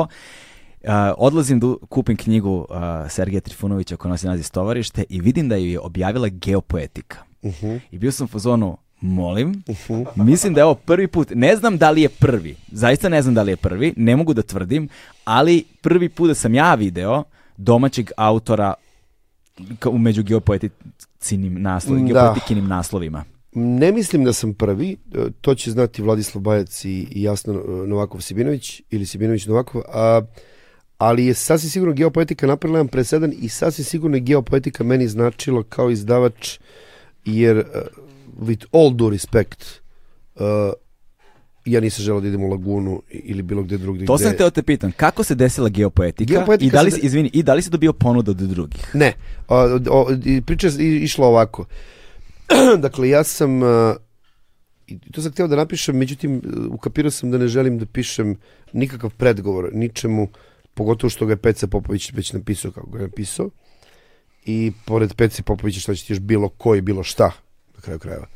Ovaj, ali sam zapravo htio da se zahvalim a, osobama, ima ih četiri, koje su koje su učinile da ja ovo što napišem išta. Prva osoba je Branimir Đonić Tulić. Branimir Đonić Tulić je iz ne znam kog razloga u toj priči koja postoji u knjizi kad smo mi prvi put otišli kod njega na Božić 99. a, ja mislim da on imao pojma ko sam ja. Sasvim sigurno. Pazi, ta priča je toliko genijalna, ja bih mnogo volio da ti ispričaš. Pa ne mogu mislim, zašto mi bi čao kad si mi napisao, za Boga miloga. Ali pročitajte. Kupite knjigu pa pročitajte. Ovaj, Stavit ću link da možete i online da je kupite. Tako, ima, ima i to, tako je. Ovaj, dakle, javlja mi se, dakle, u tom trenutku, znači ja, to je 99. ja se 2003. selim za Ameriku a, i prilazim kompjuteru isključivo zato da bi mogu da komuniciram sa svojima ovde. Inače me kompjuter ne interesuje whatsoever kao naprava. I sad tu naravno ulaziš online, čitaš gluposti, jer, uvod u pakao, normalno koji će slediti ono, mnogo na početku kasnije. našeg životnog na puta. početku našeg Na polovini našeg životnog puta, na Da, polovini, da, zapravo tada je da. bila polovina 33 Isusove godine, Tako je. na polovini našeg životnog puta, da. E, ovaj, i kreće, naravno, vreme, i sad kreću te gluposti. Neko je nešto pisao o Johnny, krenula neka serija napisao o Johnny. I ovaj, ja sam prvi put u životu napisao komentar, imenom i prezimenom. I uopšte sam napisao komentar. Neko je nešto lupetao, nekih gluposti o Johnny-u, tipa kao, on vozi taksi, pritom Johnny, kao što ćemo saznati iz knjige, ne da ne vozi taksi, nego ne zna da vozi. Ovaj, Uopšte ta fama kao Johnny. I sad ja sam nešto ušao i napisao. I onda je mi se javio Nebojša Grujičić koji je bio urednik vremena i kaže vidi, kaže mi ćemo sad krenuti neku seriju napisa da će neki razni ljudi da pišu o, o fenomenologiji zvani Štulić. I Johnny je rekao, uh, onaj, mali, onaj mali Trifunović bi mogao napisati par interesantnih redaka. Ja sam to shvatio kao uh, po, uh, naređenje iz kosmosa. Znači, uh, dakle, Johnny Štulić koju što nemam pojma ko sam ja. I uopšte ne znam otkud ideja Johnny Štuliću da bih ja mogao napisati bilo što. To mi nije jasno. U svakom slučaju ja sam to shvatio kao seo u kola, otišao na Mokru goru, uh, četiri dana se zatvorio u donjem onom hotelu, neko od Kusturice gore, nego onom donjem gde, gde je bio voz i porodio, uh, porodio dakle novinsku kolumnu koja je izašla u vremenu, koja se zvala Onda Bože sirene zaustavljaju promet tako se zove i ovde, s tim što je sad već to priča, ona je raširena, da. pošto ima i svoj nastavak koji se desio posle toga. Epilog. E, onda se pojavio Perica Gunjić u momentu kad sam se već selio za Ameriku i kaže, vidi, pročito sam ono u vremenu, ja bi volio da ti pišeš za Playboy. Ja rekao, pa čovječ, rekao, nemam ja vremena, nemam ni živca. Kada ne, kaže, vidi, evo ti, evo ti ovako. Presudio naravno honorar koji je bio jako veliki. A, po Kolumbiji sam je uzoro, mm, ok, uh, you have my attention now. A onda je rekao, vidi, I dogovor je samo bio da pišem bez presinga, ne moram da pišem za svaki broj, pošto je to, dakle, mesečnik, nego kad ja imam potrebu, inspiraciju da nešto, i u čemu ja hoću da pišem. I onda sam porodio nekih 7-8 kolumni, Uh, onda je došao posle toga Sky Vikler, njega sam upoznao, on je bio fazonu, čitao sam ono, piši, piši, majmune, sedi, piši svaki dan, daga, daga, daga, daga, onda je stvarno to počelo da bi, možda je stvarno trebalo pišem svaki dan nešto. I onda se pojavila Nina Gugleta, izdavačka kuća Aretej, koja je došla sa direktnom ponudom da naruči knjigu. Mm. Ali kako bi ti rekao, to sve tako išlo, ja sam rekao, ja, nemaj, nemaj, i to pritom dolazi u momentu kad ja DJ-šem tamo gore na gajbi, u pola tri ujutru petak, ono, na 500 ljudi kao, e, čao, ja sam ni na Google, e, sestro, ne, ne sad, nije moment, razumeš uopšte. Kaže, ona meni, kaže, daj ti meni svoj telefon, pošto ti mene neće zvati, pametna žena, i zaista ne bi zvao. I ona je nastavila da me pegla sledeće dva meseca. I hvala je, jer ja sam u trenutku rekao, ok, prelomio, kupio laptop, seo s njom u kafanu i rekao, tap. Međutim, onda se desio COVID, ja sam joj slao prve draftove, ona je bila jako zadovoljna, bila fazona, a da odvojimo poeziju od uh, proze, nikako. To ide ovako kako ide. Ne znam zašto. Nemam odgovor na to pitanje, ali rekao, to ide, čini mi se da je ovo ispravan poredak stvari. Pritom, u još uvijek se ne zove stovarište, zove se crtice, jer sam ja uvijek pisao neke crtice, nisam imao mnogo vremena da piše. Pa sam pisao, pisao neke sitne stvari koje su na kraju su prerastale u poeziju, onda su se sklapale tako.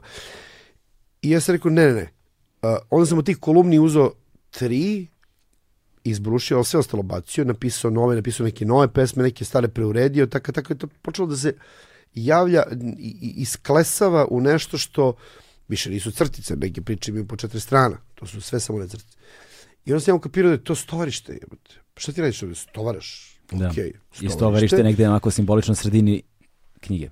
E, sto, da, sto, pesma napija, koja, koja, koja se zove Stovarište je napisana u Vrboskoj pred sam kraj knjige. Mm. Već kad je sve bilo gotovo. I to bez ikakve namere da postoji pesma koja se zove Stovarište. Nego je postala druga pesma koja se zvala više ne znam ni kako. I onda sam ja dohvatio tu pesmu u, u kafiću u Vrboskoj i, i pretovario u stovarište. Mm. Znaš, neke, neke stvari su nastajale onako usput. Međutim, onda je Nina, pošto je udario COVID, ona je bilo fazonu, znaš šta, ja ne znam, ono, da li bi se uopšte izdavala, bilo šta, u finansijskom problemu, daga, daga, daga, daga. I ja sad dokrenem Anu Mariju Rossi i kažem, ajde reko, ti si tu bistrija, kaže ona geopoetika. U, reku, jebote, geopoetika. Da. Pritom ja znam Bajica, dobar dan, dobar dan, vrlo poštujem i Bajice i volim, veliki sam fan knjige o bambusu, mislim da to je jedan od najboljih romana napisanih na Evo, ja sam, ja sam uh, sad pročitao ovaj, Jo, ova knjiga koja je napisana na ćirilici i na latinici, da jedno pogleda ćirilicom, jedno pogleda latinicom. A njegova? Njegova ja, Bože, da Balkanika. Tako, tako je, da, da, da, da, da, da. Kakva je? Uh, odlična je, da, odlična je. Zapravo, zapravo, zapravo, zapravo je to svojevrsni istorijski dijalog na neki način sa Andrićevom, uh -huh. sa, sa Andrićem, zato što se bavi Mehmet Pašom, jel te? I uh -huh. istorijskim činjenicama Mehmet Paši. Sokolović. Tako je. Aha. Da. Ovaj, I onda idu dva zapravo paralelna toka, gde, gde, gde postoje elementi Andrićevog Mehmet Paše koji nisu koji se ne podudaraju sa istorijskim Mehmet Pašom. Čekaj, koji je Andrićev Mehmet Paša? Pa sa Nadriniću prija. Aha, pričamo o, to, o tome, okej. Da, okej, da, okej, e. okej. I, ovaj, I onda zapravo govori i to je i sad je to njegovo dualno poreklo negde. I onda otuda i dva pisma kojima pisano, znaš. I to Aha. je vrlo zanimljivo i strukturno, i jezički, i stilski, i istorijski i vrlo je ono, znaš, on- ono što je zanimljivo jeste kako prevesti takvu jednu knjigu na engleski jezik. Mhm. Znaš, ako kad je knjiga ćirilicom i latinicom, imaš dva pisma. Za Da, da, poče- da, za da, početak, da, da. U startu imaš problem. I ima, i ima zašto je to I- tako. Ima nije zašto je to veze. tako, da. I gubi se puno konteksta samim Aha. problemom prevoda. Vrlo je zanimljivo. Vrlo je zanimljivo. Ma ne, Bajec je generalno ja, ja, jako zanimljiv čovjek i uopšte, znaš, ja, se sećam sa sajma knjiga, ovaj, uh, znaš, uopšte njihov odnos prema knjizi ti vidiš na korici. Vidiš, kada otvoriš knjigu pa vidiš, vidiš papir, sve ti jasno. Znaš, najveći problem sa Laguninim izdanjima što su faktički štampane na papiru koji se, nažalost, ja sam to rekao i Dejanu, ko- koga jako poštujem, ovaj, gazdi Lagune, Znači, taj papir se raspada prijatelj. Re- To je- reciklažni To je papir. skoro pa toalet papir, mislim, žalosno. Znači, mi smo pričali u jednom trenutku, ja sam Dejanu predložio da radimo ovaj, a, antologiju srpske glumačke poezije. Za skupljanje pesme Paja Vojsića, Baja Bačić je dobio nagradu Miloš Crnjanski za, za najbolju knjigu poezije na crnotravskom dijalektu. Niko nikada osim Baja Bačića nije napisao a, poeziju na crnotravskom dijalektu. Znači, kako bi ti rekao, to su presedani. Ovaj, i, I zapravo svi glumci nešto pišu. I onda se htio da napravim, i ne odustajem od toga, vjerojatno ću to i Je li napraviti. istina to? Misliš da svi glumci nešto pišu? Svi glumci pišu manje više. Ne, dobro, ne baš svi, ali, ali većina njih da. Da. Mm. Znaš, kao što svi pevaju. Samo što se čuje kad pevaju, a ne čuje se kad pišu. Ali veruj mi da, da pišu. Da. Da. Ovaj, a, I baš hoću, Miše, onda mi je Marko Jankitić doneo a, Mišine pesme, koje su fenomenalne. Znaš, jer kako bi ti rekao, Miše toliko, toliko poezije izgovorio da kraju drugovo sa Vitom Nikolićem. Znači, to je nešto se moglo da pre... Mi smo svi opet te cevke. Uh, Pajine pesme su fantastične. Zoranove pesme su divne. Radilović. Ima tu svašta. Uglavnom, uh, znači nisam imao dilemu oko geopoetike, kako je Rosija izgovorila geopoetika, okrenuo sam bajca, vrlo fino, dobar dan, dobar dan, rekao Sergej Trifunović ovdje, i onda sam, ja, ja, ja bih želeo da sam mogu da vidim njegovu facu. Kako su se vaše energije poklopile? Pošto su Fantast- suprotne. Bajac i ja smo, ne, Bajac i ja smo, to zna i Ba- Bajac i ja smo neverovatno slični. Zapravo uopšte nismo suprotni. I on je, on je jedan preenergičan čovjek. He is hard to handle u smislu i da ga gledaš i slušaš s tim što je on jedan vrlo i naravno darovit pripovedač, jedan, ma jedan fantastičan lik u svakom smislu. I on i njegova supruga, uopšte su i na, na, ja bi, ali ja bih volao da vidim uh, facu Vladislava Bajca kad sam ja rekao preko telefona. Znate, ja sam napisao knjigu i volao bih da vi to pročitate. Uh, da, dobro, da, izvolite. Da, mislim, To je tačno Baja. zbunjen, znaš, i, ka- da, da, da, da nema nikakvog problema. Da, I onda mi kaže Jasna, zove me Bajac i kaže Jasna, u velikom sam problemu. Šta je bilo? Kaže, zvao me Sergij Trifunović. Što? Pa kaže, napisao je knjigu. On ne, zar i on kaže, mene je strah to da čitam. Kao, znaš, drag nam je Sergej, šta ako je govno od knjige? Sad, kako da mu to kažem u pičku materi? I kaže, onda je ona, ona naravno, onda je jasna preuzela. Ok, kaže, ja ću to da uradim, ja ću da pročitam. I onda je jasna prosto rekla, Vlado, ovo je dobro. Nemoj se plašiš. On kaže, stvarno, stvarno. Tapa, tapa. I onda smo imali sastanak i onda je to, i mislim, i užasno mi je drago što je to baš geopoetika. Znaš, mislim da je to velika stvar. Što je, mislim, iskreno rečeno, Kako je izgledao proces rada zapravo? Koliko, koliko se od originalnog teksta stvar promenila, sredila, njen finalni oblik i njen prvobitni, koliko se razlikuju? Pa reću ti, da, da, da, mislim, oni će poluditi od mene, ja i dalje dopisujem. Oni će stvarno... Da, da, to je, to je boljke, te boljke se nisi oslobodio. ne, ne, ja dalje, znači, to je fora, ovaj, naravno morali smo da iznesemo gomilu ovaj, izmena od, od izdanja do izdanja, mislim to osmo izdanje, na primjer. Ovaj, a, međutim, a, vidimo. ne znam ko je to, ako, ako si skupio skoro, onda je osmo. Da, da, Osmo je pa trenutno, Skoro kad smo se čuli nas dvojica telefona, sam kupio, da. onda je verovatno osmo. Da, dve, dve stvari, ono kao ne znam, ne znam koje, ne znam koje je izdanje i ovaj ne piše tiraž. Ja uvijek gledam koje je tiraž. Tiraž je dva soma. Tiraž je dva soma svaki. Tiraž je dva soma svake, a, znači prodato je, o, znači 16 soma knjiga otprilike u optice. Ne piše ni izdanje. Ali imaš čekaj. Ja sam naučio. to piše od sedmo izdanje. Sedmo Evo ti ovdje, imaš ovaj cip koji dokazuje u Narodnoj biblioteci da je Sergej da, Trifunović evo, pisac. da, s kraćenicama, pa nisam Tako je. izvalio, da. okej. Ovaj, um,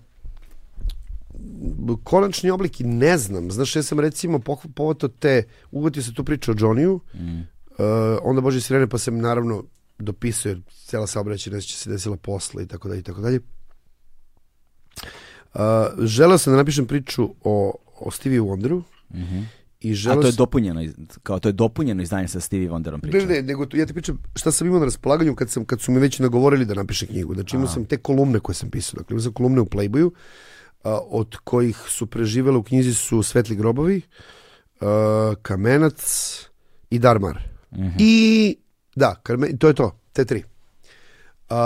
Jer sam za te tri smatrao da mogu biti više od novinske kolumne, da mogu zaista postati priče.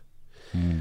I onda sam ih uhvatio i tako pesme dohvatio od 30 pesama bacio sam recimo 26 i ostavio četiri. Njih sam sredio, napisao sve ove ostale. Um, ima ima to je taj moment kad prvo ja. Očekaj, su sve pesme tvoje osim prve dve, čini mi se. Ne, ne, uh, sve su pesme moje osim dve gostujuće. Jedna je Srđana Ćešića, ona u Timu da, Ujeviću da. i jedna je jedno napisala Ivana Dimić. Uh, Ali imaš i Čika Jovu Zmaja. Ne, ne, ali ona, ona, njom samo počinje, samo po, aha, da. njom, njom počinju svetli grobovi, da, da. to šta. Pritom to nije cijela pesma, to je samo prva da. strofa, ta pesma je ogromna. Ovaj, a, navodim ja i drugi, ali nema veze. A, Ivana Dimić je napisala pesmu u Glumcu, mm. to kad su me zabranili na, na festivalu u Aleksincu. Nisam smeo da se pojavi, pošto sam bio, nešto sam ružno govorio o, o vlasniku Srbije, gospodinu Vučiću. Ovaj, Pa je taj nesrećnik koji je među vremenu umro rešio da se, kako to već biva, da, da on sam napravi cenzuru da se neko ne bi naljutio što je doveo. Znaš, to se zapravo, najgore su te pod, podguzne muve, jebate, ne Vučići, nego su ovi ispod. I onda ona napisala tu fantastičnu pesmu koja prosto morala se naći. I onda sam to nekako krenuo da ih brušim, brušim, brušim, brušim i sećam se da sam znači, dao sebi zadatak znači Johnny, Stevie i ta priča o Brandu. Nothing Will Die. Mm, da, Međutim, da. ta priča o Brandu, kao što i sama uvodna rečenica kaže, nju sam dugo nosio po sebi i apsolutno nisam umeo da ispričam. Iako da. sam se mučio oko nje. I desio se jedan nevjerojatan moment, COVID, u covidu sam dakle sređivao knjigu. Knjiga je počela pre covida da se piše, ali u covidu je završen najbitniji deo. Jer je bilo vremena a, i struje i interneta. I ovaj a, i desilo se da sam odustao te priče pošto nisam znao kako. Lovio sam se, lomio, lomio, lomio, lomio. I to je trajalo na dva meseca. Mareko, ne, odustaje, bacam to. I dolazim do nešto šest, počinjem policijski čas i ja nešto motorom na bankomat, baf, vadim pare i uzmem onaj slip i vidim datum 3. april. Kažem, ha, Brandov rođendan. I samo mi se odvije pred bankomatom cela priča. Bukvalno. I odem kući i prrr, Da, za ljude koji ne znaju, o, Marlon Brando je verovatno... Je veliki glumac. Ne, ne, ne, ne, ko je, ne, to, šalu na stranu. Nije, nije šala, ima ljudi koji sigurno ne znaju ko je Marlon Ova, da, ništa se ne podrazumeva, ali da, pretpostavka je majka greške. apsolutno. Da. Ovaj, dakle, Marlon Brando je bio jedan veliki glumac, ovaj, bio, kažemo da su to nažalost preminuo, ovaj, a on između ostalog bio i tvoj veliki ono uzor. Pa da, verovatno glumački najveći. Glum, najveći glumački uzor i, i negde koliko se i to se iz priče vrlo jasno vidi, posebno nakon očevog poziva je postaje ono sa tačkom jasno. Da, da, da. Ovaj, kao član porodice. Da, Znaš, da. Kao, kao član porodice i ta priča kao final, jedna od finalnih priča negde, negde na samom kraju ima tu uh, strukturu koja se pokazuje da je pre neka pravilnost u tvom pričanju priča. Nekako ima tu hegelijansku tezu, antitezu, sintezu. Ima to sve to trojstvo. Sve priče imaju nekako tri dela. Pazi, to nisam ni... Aj, pa da, kad govorimo, ne, ne, ne, kad govorimo o Steve Wonderu, kad govorimo o Marlonu Brandu, Dobro. kad govorimo o Johnny Štuliću, sve uglavnom idu troj, tro, u, u triptisima. triptisima Dobro, tako? kako? Dakle, imaš uvodni deo, jednu deo priče, imaš, imaš centralni deo priče i imaš priču mnogo kasnije. Aha, tako je. Sve imaju to. Vi što mi nije, a zapravo što nisam išao uh, svesno s tim. Pa, to nisu možda nužno sve, stvari koje svesno izlaze. Znači, o... Georg Wilhelm Friedrich Hegel je... Da, Aha, da, okay, da, i, ovaj, i one uvek imaju, imaju, imaju, imaju peripetiju, svaka od njih uvek ima to, ima, ima, imate neki obrt koji je na neki način neočekivan. Priča mora da ima radnju. Mislim, mora da ima radnju, da, to je svakako. Ali to si, napi, to, to, si, tu si negde ono, kako kažu u filmu Razbijenje četvrtog zida, to si kao, i, kao meta knjiga, to si svesno napisao u romanu. Znaš kao, vodio se time. Iz nekog razloga, to se te želeo da te pitam, zašto sve vreme čitalac nazivaš dokonim čitaocem? Pa zato što je, zato što rečenicom dragi dokoni čitaoče počinje prvi moderni roman Don Quixote. A. Miguela de Cervantesa. I ja kad sam to počeo, kad sam, dakle, kad sam pročito, kad sam konačno dohvatio Don Quixote pre neki desetak, 15 godina, ja sam, kad sam pročito rečenicu, vrisnuo od smeha. Mislim, to je nešto najduhovitije što sam ikad u životu pročito. Dragi dokoni čitače. Da, ali Jer ti, kontekst čim si seo, Da. razumeš, ti znači si toliko dokon da imaš vremena da čitaš ovo. Tako da je, dra, ali dragi dokoni čitače, ti ja čitaš, Mm. ovaj, tako da je to, tako da je zapravo to igra s tim. To su, Ali to je parodija viteškog romana i viteških ideala i tako da jeste, to je jedna druga stvar. On je napisao parodiju, pa dobro, ali on nije znao šta piše. On u tom trenutku piše zapravo, on piše parodiju, ali on piše prvi moderni roman. Prvi moderni roman, jeste. Samo što on to ne zna, znaš. Da. Zvanično prvi moderni roman. Zvanično prvi moderni roman. Znači, to, je, to je otvorilo sve. To je otvorilo i Borgesa i to je otvorilo sve. Sve. Znaš, možda je bio, ne znam, Rabelais, koji, koji, koje je stoljeće prije toga. ali- Gargantua i Pantagruel. Da, ali, ali ovo zapravo u strukturi romana, znači da mi jedan, jedan Hrvat me pitao na moru, kaže, jel čitaš prvi put ili drugi? Ja rekao prvi, drugi put ćeš se mnogo više smijati. I to zapravo tako biva, znaš, to je, znaš, sa svim tim stvarima koje su jako kvalitetne. Druga stvar koja mi je vrlo zanimljiva kada govorimo o tim pričama. To je nešto što je što se u nekom ko- negde, negde direktno, negde indirektno, dakle provejava zapravo na neki način kroz roman, a to je uh, tvoj odnos prema činjenici da si javna ličnost. Prema činjenici da si javna ličnost skoro ceo svoj život. Više Da. du- duže jesi nego što nisi. Ja sam vrlo svestan te činjenice. I vrlo svestan, bolno sekundi. svestan. Na neki Pa način nije bolno. pa znaš ako deluje, deluje da jeste zato što uh, kao da postoji jedna vizura, kao Mhm, da postoji jedan, jed- jedan štit, nekakav nevidljivi, ali tu je, jer ti uh, u sve postupke ulaziš sa predumišljajem, odnosno sa pretpostavkom da ljudi oko tebe znaju ko si, na neki način. Ne govorimo o američkoj Pričaš epizodi, o knjizi ili o... o životu generalno, znaš. Pa O- ne. Ne, ovaj, A vidi, tu si zajebao. Ne. Ja baš ne ulazim sa pretpostavkom ko si. Znači, i evo juče me u parku i to nije prvi put. I sad nešto pričam s nekim tipom koji šeta neko kući, vrlo gotio tip. Tap, tap, a on kaže, ovaj, a, a, ti si mi kaže poznat, je, jesam te ja vidio ovdje, kaže, pa ja živim tu u Strumičkoj. Kaže, me znam, zajebam te. Pa rekao, ne, ja uvijek ozbiljno odgovaram na ta pitanja. Prvo, zašto bi neko morao da zna ko sam ja? ne nužno morao. Pa ne, zašto bi uopšte znao ko sam ja? Pa verovatnoća je takva da jeste. Nema veze, Da. ali ja ne idem s tom pretpostavkom. Okej. Drugo, ako čovek e, či, čiji se sad se to naravno dešava kao, znaš kad se upoznaš neki kaže, ser, izvini kao kako nisi čovek, sad neko hoće da bude frajer, pa kao, kao, kao ne zna ko si. Ali ne, ne pecaš se na takve gluposti. Ja, Naravno. kažem, ja uvek ponovim svoje ime i prezime. A dobro, to Znaš, svi radi. ili kao što recimo kad se upoznaš sa ljudima, onda shvatiš da kad si recimo kad si poznata ličnost, onda otkriješ da znaš koje je najčešće srpsko ime? Kad si poznata ličnost. Znam. Svi se zovu znam. Znači mama te naučila da pružiš ime i da kažeš svoje ime kad se upoznaš nekim. I ja to radim od uvek. Sergej, a 70% populacije zove ja znam. Znam. Ok, kažem, ja uvek kažem, uh, a prezime? Mislim, kao, kako je to ime znam? Kako se zoveš, majkovo? Znaš, Da. tako da ja ne ulazim sa pretpostavkom da se ja poznata Mhm. ličnost uopšte.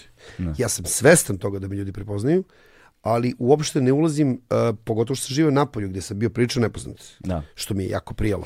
Da, to sam to sam i hteo da pomenem, dakle zašto Ne ulazim uopšte da posto, postoji ta neka ono nazovimo je jel te pozicija, dakle kontrast neki zapravo uh, onoga kako te mi vidimo, kako te mi znamo, nek, Mhm. onoga, onoga što ti jesi i onda ukoliko govorimo o nekakvoj knjizi koja bi po znacima navoda bila autobiografska, ovaj, Što prezirem kao mm, formulaciju. da, i ja ne volim inače autobiografije kao takve. Ovaj, Ali pročitaj Woody Allena, molim te. da. E, vidiš, ja ne volim Apropo ničega. autobiografije i generalno biografije. Pročitaj Woody Allena, molim te. Nijesam Uži- ljubitelj. Uživat ćeš. Ajde, ako, Uži- ako ti kažeš... Woody Allen, čoveče Boži, da ću- uživat ćeš. ali, znaš, uživam u njegovim filmovima. Ma uživat ćeš još više ono što je pisao, veruj ćeš. Ovaj, i, I čovek prosto kad sedne, znaš, i kaže, ok, autobiografija, i sad imaš, imaš, imaš jednu poziciju, kažeš ovako, za, knjigu pre nego što otvoriš prvu stranu i kažeš, hm, šta li bi moglo da bude u knjizi?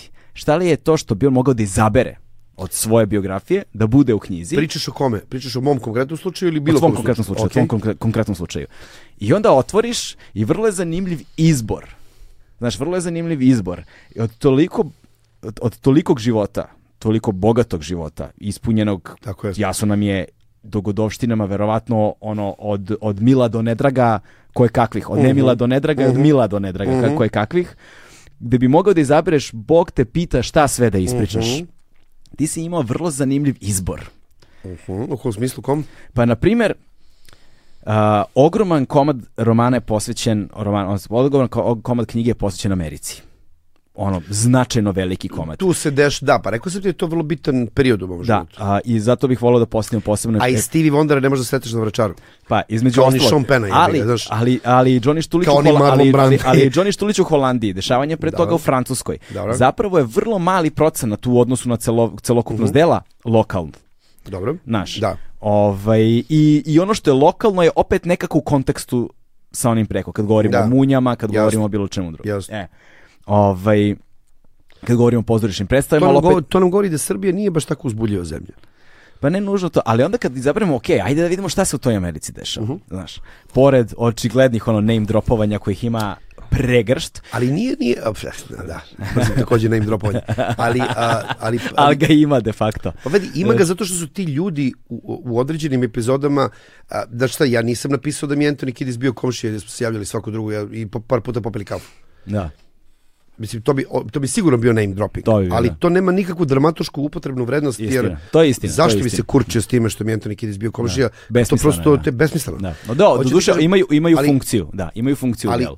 svi ti, dakle, name dropovanje, forget about it, zato što ja pričam priču, ja sam, ja sam uh, to su neke priče koje su vredne ispričati o nekim ljudima, pa pitanje je zapravo ne odabir situacija, odabir ljudi kojima se E, priča. to sam hteo, to sam hteo. Tu, to, to, tu sam te čekao. I onda recimo kada pričamo, pri, loš. recimo kada pričamo priču o Stevie Wonderu, To su ljudi recimo, koji su vrlo bitno uticali na mene, to su ljudi Da. koji su mene formirali u ukusu. ali ono što je zanimljivo, šta hoću da kažem, ne, ne dozvoljavaš mi da te, Izvini, po, ne, oprosti, ne dozvoljavaš mi da te debatujemo, pohvalim, de- da, debatujemo, ali debatujemo, izvoli, da, da. ali, ali, ali sam, da ne dozvoljavaš mi da te pohvalim. Ajde. Ali o, ono što mi je bilo fascinantno, dakle recimo uzmemo epizodu o Stevie Wonderu. Dobro. ljudi kad budu kupili knjigu znaće o čemu govorim. A, Steve Wondera je zapravo vrlo malo znaš, u, tom, u tom delu. Znaš, dosta je velika priča, ali njega je. fizički nema mnogo. A na primjer imaš epizodu unutar toga na samom početku u kojoj se ti grliš sa beskućnikom i taj beskućnik dobija toliko centralnu poziciju da se ti pitaš jebote od tolikog znaš spektra stvari da sam ja gledao knjigu pre nego što sam je otvorio i pogađao kakve bih likove iz njegove biografije u auto, po znacima navoda autobiografskom mogli da nađemo, nikad ne bih pretpostavio da će jedan beskućnik, neimenovani, znaš, dobiti takvu jednu poziciju. Zato što je fantastičan lik. Znaš, ali kako se desi ima, taj... ima dramatošku upotrebnu vrednost. Ima, na, Razumeš na jedan način, da, ima, znaš. I onda je vrlo zanimljivo kako se te stvari, zapravo, to je, to je, to je ono što je zanim, bilo strahovito zanimljivo posmatrati fenomenološki. Znaš, Pitam, izvini, što te prekidam, a, ako se sećaš Music of My Mind, Steve onda samo služi da se ispričaju sve ostale priče. Mm, da. Koje da. su tu. Da, oni su zapravo ti poznati ljudi su na neki način platno na kojem se oslikava sve ovo drugo. A ovim drugim nevidljivim likovima dobijemo zapravo jednu dimenziju ljudskosti, Tako je, ali one obične ljudskosti Tako za je. koju si možda uskraćen životom ovde. tako je. Znaš, i to je vrlo je. zanimljivo. Vrlo si to pri, lepo primetio, Galebe Nikačević. Hvala najlepše Sergej Trifunoviću. Ja moram da ispričam, u glavi mi je ono tvoje, to si mi rekao pre mnogo godina.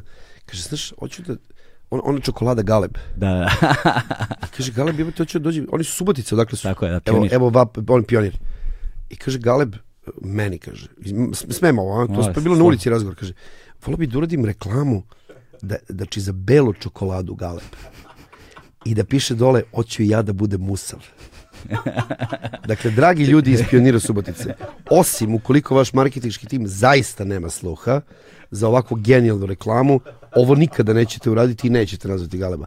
Ali ako želite da budete pametni, Probao sam mnogo puta, ništa od toga nije stvarno bilo. im već pičao tu ideju. Pa Pičao sam, ne njima lično, nisam nikada došao do njih. Pa oni su, da, ja se izvinjam, Ali sam evo, evo, evo sad ćemo, evo, sad ja ću da pozivam ljudi iz Pionira i Subotice.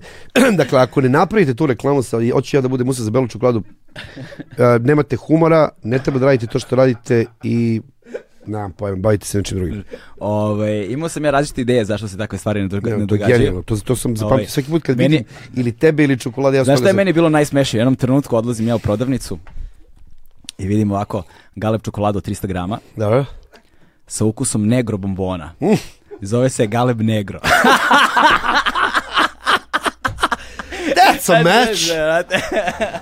Znaš, ali to bi možda bilo much. Ne, to bi bilo tumač. Ne, ne, ali ovo je bela čokolada, e, Galeb, hoće ja da budem, to je, Apsolutno. Ako ništa, ljudi bi se barem, ljudi bi barem plakali od smeha. Ne znaš šta, stvarno ako ti se ne po sloga, stvarno ne, ne, ne, ne znam šta da im kažem E. u prolazu. Neću Ove. kupovati vaše čokolade. Nikad više. Domaći brend garderobe Legend Worldwide je prijatelj Agelast podcasta na audio platformama. Ne, tako da, a, da se vratimo mi sada malo na, na, na, tu, na, tu, na tu Ameriku i na ceo taj jedan, ti si zapravo na mnogo načina odrastao karakterno, ono, kao ličnost u Americi. Pa i dalje odrastam. Svi mi odrastaš. Ja mislim da se taj proces uh, nikad ne završava. Da. Ja mislim da čovjek koji kako si rekao malo da, da, da je predrasuda majka svih Da. zabluda. Greške, da. Greške, da, tako je. Da. A, Ne predrasu, nego pretpostavka. pretpostavka. A, m, znaš, ta predrasuda mi sad nešto kao nešto za, ništa mi nismo završili. Mhm, Ko kaže da je sve gotovo? da. Toliko prostora ima.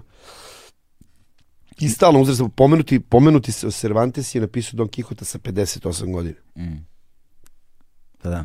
Kapiraš? Ovaj, e, kako se zove, što napisao Slepilo, sad mi je stao mozak. Da. Boris Lepekić. Ne, Ne, Nobelovac, Nobelovac. Saramago. tako. Saramago. Sara, Saramago je, fazom, prvu proznu rečenicu napisao, mislim, sa 60 godina, tako eto nešto. ti vidiš, nisam to znao. Da, sa 58, ili tako nešto. Napisao svoju prvu proznu rečenicu, ništa pre toga nije napisao čovjek. I dobio Nobela. Eto vidiš. Znaš, književnost je, književnost je definitivno umetnost trećeg životnog doba. A ti si nekako u taj smjer ušao mnogo ranije. Pa no, treći život, pa nisam ja ni mlad, evo ti 49 godina, da. zaključio sam da će imati 50 uskoro, što je potpuno meni nesvatljivo. Ove, ali to je još jedan do, dokaz zapravo kako zapravo godine su, je, to nek su neki brojke koje nemaju veze sa, ono, znaš, moj deda je umro 98. Ali je stalno govorio, kad sam ja bio živ, Da, kad sam ja bio živ, ovaj, To, to, što, to što nismo mrtvi ne znači da smo živi. naravno, Znaš, to život u ovoj Da, zemlji u da, velikoj da. meri može... to što nismo mrtvi ne znači uopšte da smo živi. Uopšte I ne. mnogo ima, mnogo ima zombija koji hodaju, koji su se ugasili. Da, da. koji su prosto prestali da postoje ili su prosto nekako Zatvorili su tu slavinu gde, gde protok ide zatvorili su slavinu ili su prosto pristali na gomilu. Vratimo se sad na početak priče. Priča si o, o, o, o, o, o, o polarnosti koju izaziva moja pojava pa neki ljudi donose ovakve, neke onakve zaključke i šta sad možemo da kažemo? Ne možemo da kažemo nikad ništa, zato što ni sad ne možemo da kažemo ništa o meni. Znaš zašto? Cause it ain't over yet. Znaš, a, da te sad, da te ne vratim na onu mitološku priču o ja mislim da je to bio Krez, najbogatiji kralj na svetu, lidijski kralj, i kad je, čini mi se, Pir ušao da ga, da ga kolje, on je zavikao, o Solone, Solone. On kaže, zašto prizivaš uh, ime najmudrijeg? On kaže, zato što mi je govorio da se nikada ne može reći da li je čovjek srećan dok se ne sagleda sam kraj života. Da, da. da. Znaš, to važi i za vas, stoko. Znate na koga mislim. E, Znaš kako, dakle- mislim, mislim da je Džarmuš uh, u nekom intervju rekao, kaže, možeš da smaraš ljude, kaže, "F- kraj filma je strahovito važan, tako nešto. Možda smaraš ljude dva sata, Tako je. ali ako im daš vrhunski kraj, Da, izaći će iz bioskopa i biti u fazonu, pa brate, nije bilo Da, loše, da, da. znaš. Pa to je rekao Boris Stanković, kraj mnogo kazuje. ka- kazuje. Da. I sad, zašto smo što počeli da pričamo priču, vratimo se unazad, unazad, unazad, vrati, unatrag. Šta smo počeli pričati? Ko zna? Bog te pita. Ko zna, pa znaš kao, Da, ide, ide, da, point u tome da se nikad ne završava. Znaš, uh, Richter je počeo da svira klavir, ja mislim, u 22. godini. Batistuta je počeo da trenira futbol sa š- 16. Nofler je uzeo gitaru u 27. Eto, još i to nisam znao. Tako je. Znači, to su, kako bi, Gogen je počeo sliku u 35. Uh, ko je još? Bukovski je počeo da piše, u- Ne, Bukovski je pisao dosta dugo i njega su kasno otkrili. otkrili, da je Da. moguće i to. On je imao tu rečenicu čuvenu kada su zbog njegovog problematičnog ponašanja i navika životnih gde on zapravo nije odstupio od tog svog ono, Mhm. ajmo da kažemo, pankerskog ono života. Ovaj, imao je komentar uvek na to, kaže, prekasno ste me otkrili. Prekasno ste I me was otkrili. always like this, da, da, kao, prekasno ste otkrili. Prekasno ste me otkrili da bih mogao da se Sad se vraćam i nešto menjamo, nešto drugo. Da, da, da, nema šanse. Tako da, znaš, mi ne znamo. Sad, pogledaj, recimo, a, verovo ili ne, najbolji glumac koga sam ja ikada video na sceni, nije Derek Jacobi, kako sam napisao u knjizi, mada je jedan od, nego Lazar Istovski. I know it's sad, but it's true. Ali mi smo išli religiozno da gledamo dugo putovanje u Evropu, um, malu, original falsifikata. Ja sam, znači, ja sam prvi put u životu video krupni plan u pozorištu. E sad, kako se desilo da takav toliki glumac prvo postane to što jeste, a onda na kraju ode i na listu sa nas, ne, znači, to, kako bi ti rekao, to su, uh, to, to, to ono, ušao u legendu, izašao iz nje. Za Da. mnogi se može tako reći. Tako da polako, to je, to je, polako, to je, to je, to je ovaj... polako sa zaključcima o bilo kome. Da, da. Razumeš? Da. Tako ono, to se sećam, sedeo sam s drugarima i pričamo nešto kao koje bismo muzičare tetovirali i da, da, znam da je, da je konsenzus bio čekamo prvo da umru, Tako je, brate. onda... Tako je, brate Mili. Jer ne znaš. Pa onda. Evo ti ga čoče Bora Đorđević koji je, hoće da svira na konvenciji SNS. Nije bio taj lik. Da, Uopšte nije bio taj lik. da. Za njega je rekao, ovaj, um, ja opet mi je stao mozak, kako se zove što piše muzičke tekstove stalno o Koenu i o svima. Radi na radioaparatu. Skoča, Skoča, Skoča, mislim da je napisao a, da je Bora e, Đorđević jedini muzičar koji je za života ušao i izašao iz legende. Jeste, on, ja, to, je to, to može se koristiti, zato se to koristi i za ove. Da. To može se kaže i za Lazu, to može se kaže za mnogi drugi ljudi. Mm, Ovaj, a, Bajac je inače bio intimni prijatelj sa Kojenom. da, znam, znam, pričam. I sa Ginsbergom. Mm, I sad Bajac koji je jako stiljiv i kaže, znaš, i sad priča mi neke detalje. To su ta... a, Kako se svađa s Ginsbergom oko ne znam čega na njegovoj gabi na lovari stavi da kaže ovako, rekao, Lado, jel mogu da vas zamolim da sednete i napišete to? Zato što možda ima ljudi koji hoće da užive. Ja, meni to izgleda kao name dropovanje, kao Tako je. kurčenje. Ja kažem, ali nije. Koliko ja, koliko Srba znamo koji su se drugovali sa Kojenom i Ginsbergom. Da, oni su valjda letovali u Grčkoj zajedno u ne- vreme ono 68 i to hipi. Ne znam da li je baš bilo 60. Pa ne znam, ja, ali- ali... Ali ali Mislim sad je to pogledam sam gledao neki dokumentarni film je izašao na Netflixu, da. kao što molim Dantanu, nešto, molim vas, napišite tu autobiografiju, tek Dantanin autobiografiju. Da, i on ima inače značajnu poziciju u on- tvom ne, romanu. ne, I to on je najpominjanija ličnost. U, u, U, da. Znaš, i kad je došao, kad, kad je došao na promociju, rekao mi je, ovaj, prvo, fas, fascinira se došto je došao na promociju. A a onda, onda mi je rekao, znaš da su me zvali ovaj, danas da slučajno ne dođem na promociju? Ja rekao, ko?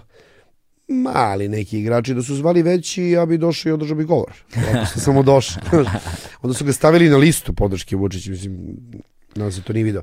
Uglavnom, Ovaj... ovaj, čekaj, te liste podrške, ali to kao... to je sve fejkovanje, to je fejkovanje. Zato što, znaš, gomila Ma, javnih fejko. ličnosti se provlači i onda se tu deže... Fejkovano govno. Uglavnom, znamo Hmm, to. nisam znao. Da, da, da, da, da. Pa Dantana ni potpisao ni ludilo. Miše Jankitić su stavili na prošlu listu. Niđe veze. Dakle, a, Ovi sportisti svi što ih ma stavljaju. da, dobro, neki su da što kao, ja, boli ko. Ja mislim da Niko Nikola Jokić njega to prosto ne interesuje. Mm. I ne treba ga interesuje. Ali uglavnom, ali zato predsjednik dođe, jer predsjednika interesuje da maše. Evo, Nikola Jokić mi je potpisao, on je ovo potpisao pre tri meseca. Sirota, dete, ne sjeća šta će njemu je biti, on ima podršku. Uglavnom, ovaj, hoću ti kažem, um, da, ne može se ni za koga reći dok ne dobro ti, dobro ti to, kad završi život, onda ćemo. Da, da. Ne, ne, ne. Znači, Dentana je ono, ovaj... Dontane, a dobri ovo je priča. Sedeli smo, e tu nema nikakvog korčenja, to je jednostavno tako.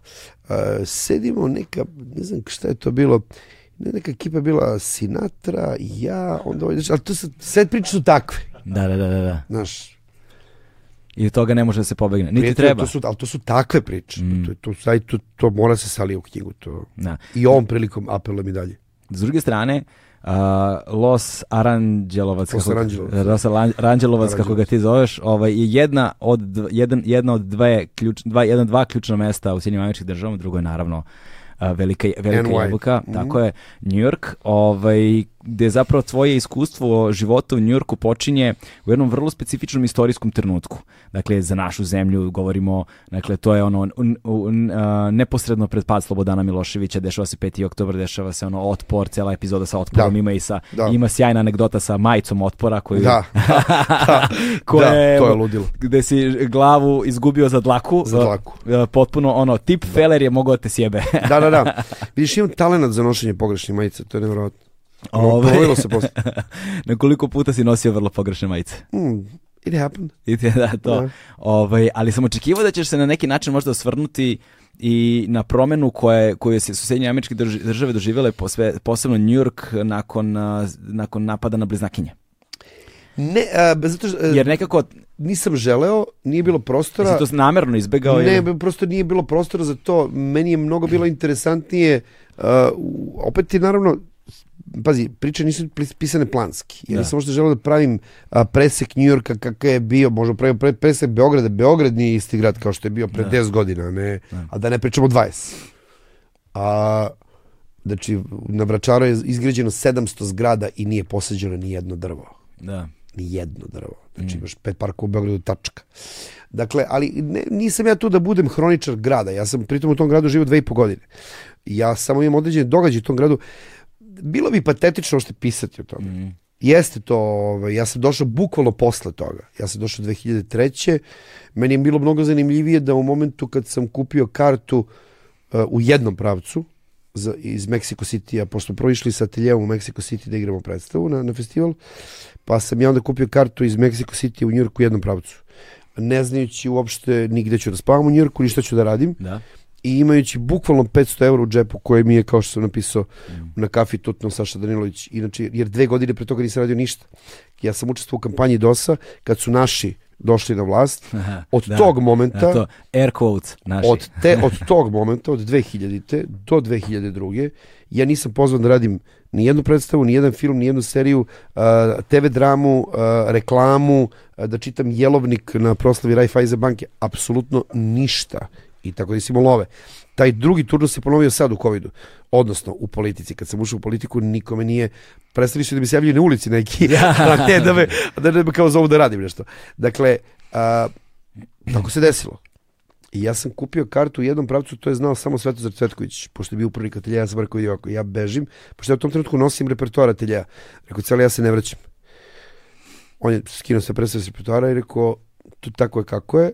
Ovaj, I u momentu kad sam kupio kartu idem da popravim zube, znači završilo se sve, skinuli smo slobu, ja mislim da je to gotovo. Nema sad tu šta da razmišljam. Ja nisam hteo da odem iz zemlje dok ne skine Miloševića. Meni je to bila ono, meni je to bila misija. Ja sam, tek kad se skine Milošević, ja sam s 31 godina otišao u Ameriku. A, ali nisam bio sam u nećete vi mene oterati, nego ću ja vas prvo da oteram, pa ću ja da idem da ja hoću. Mhm. I ja sam mislio to sve tako gotovo.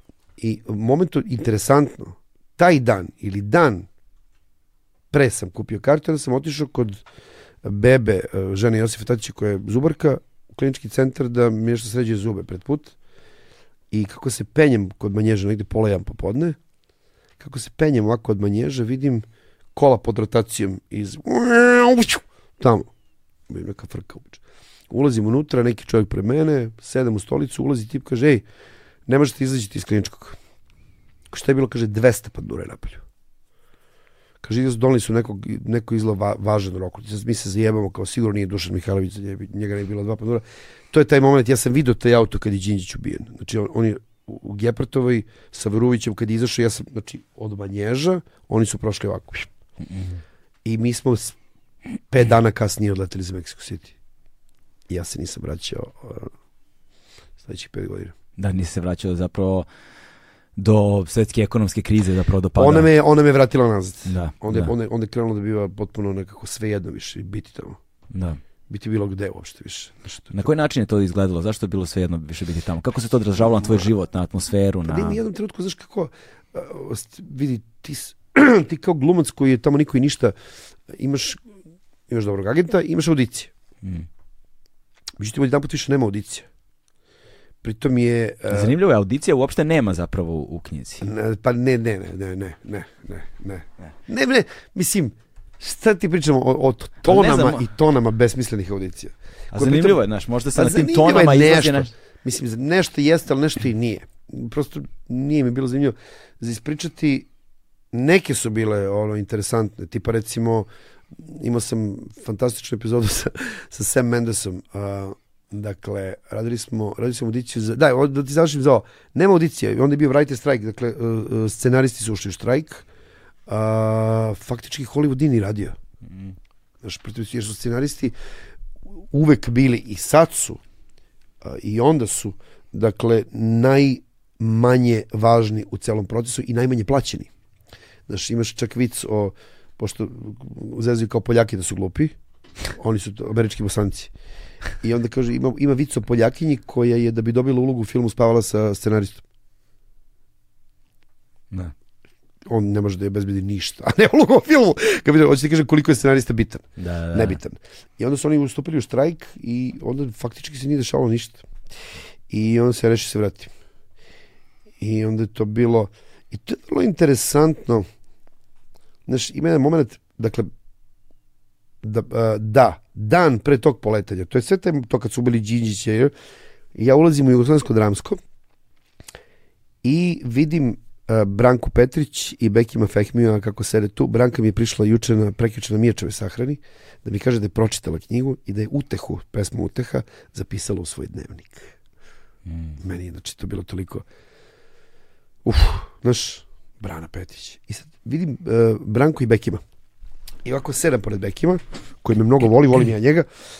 I kažem, Bekime, rekao, letim prekstru, idem za Ameriku, gotovo, sve. Karta je do pravcu. Mile, šta je bilo, ljubavi? Ne idemo, ne idemo za Ameriku, sve okej. Okay. Samo smo pričali.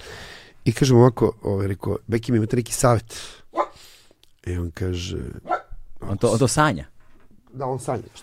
Bekim ovako puši na muštiklu neku drvenu izdeljenu i kaže ovako, vadi cigaru, gasi. Ovako teatralan kakav je bio. I sad to je stakleni sto na jugoslovenskom drumskom. Ja kažem, rekao, imate neki savjet? On kaže ovako.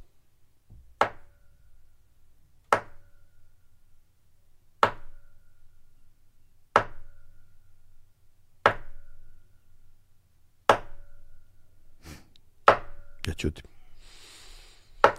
Ako nastavim, probit ću. Ja rekao, to je sve što sam teo znam. Ljubim ruke, čao. Znaš, ako Plašim se da nisam razumeo. Ako nastavim, probit ću. Staklo. Sa, ma šta god. Šta god, da, da, da. Mermer, Da, da, kamen, da, da, da. šta god.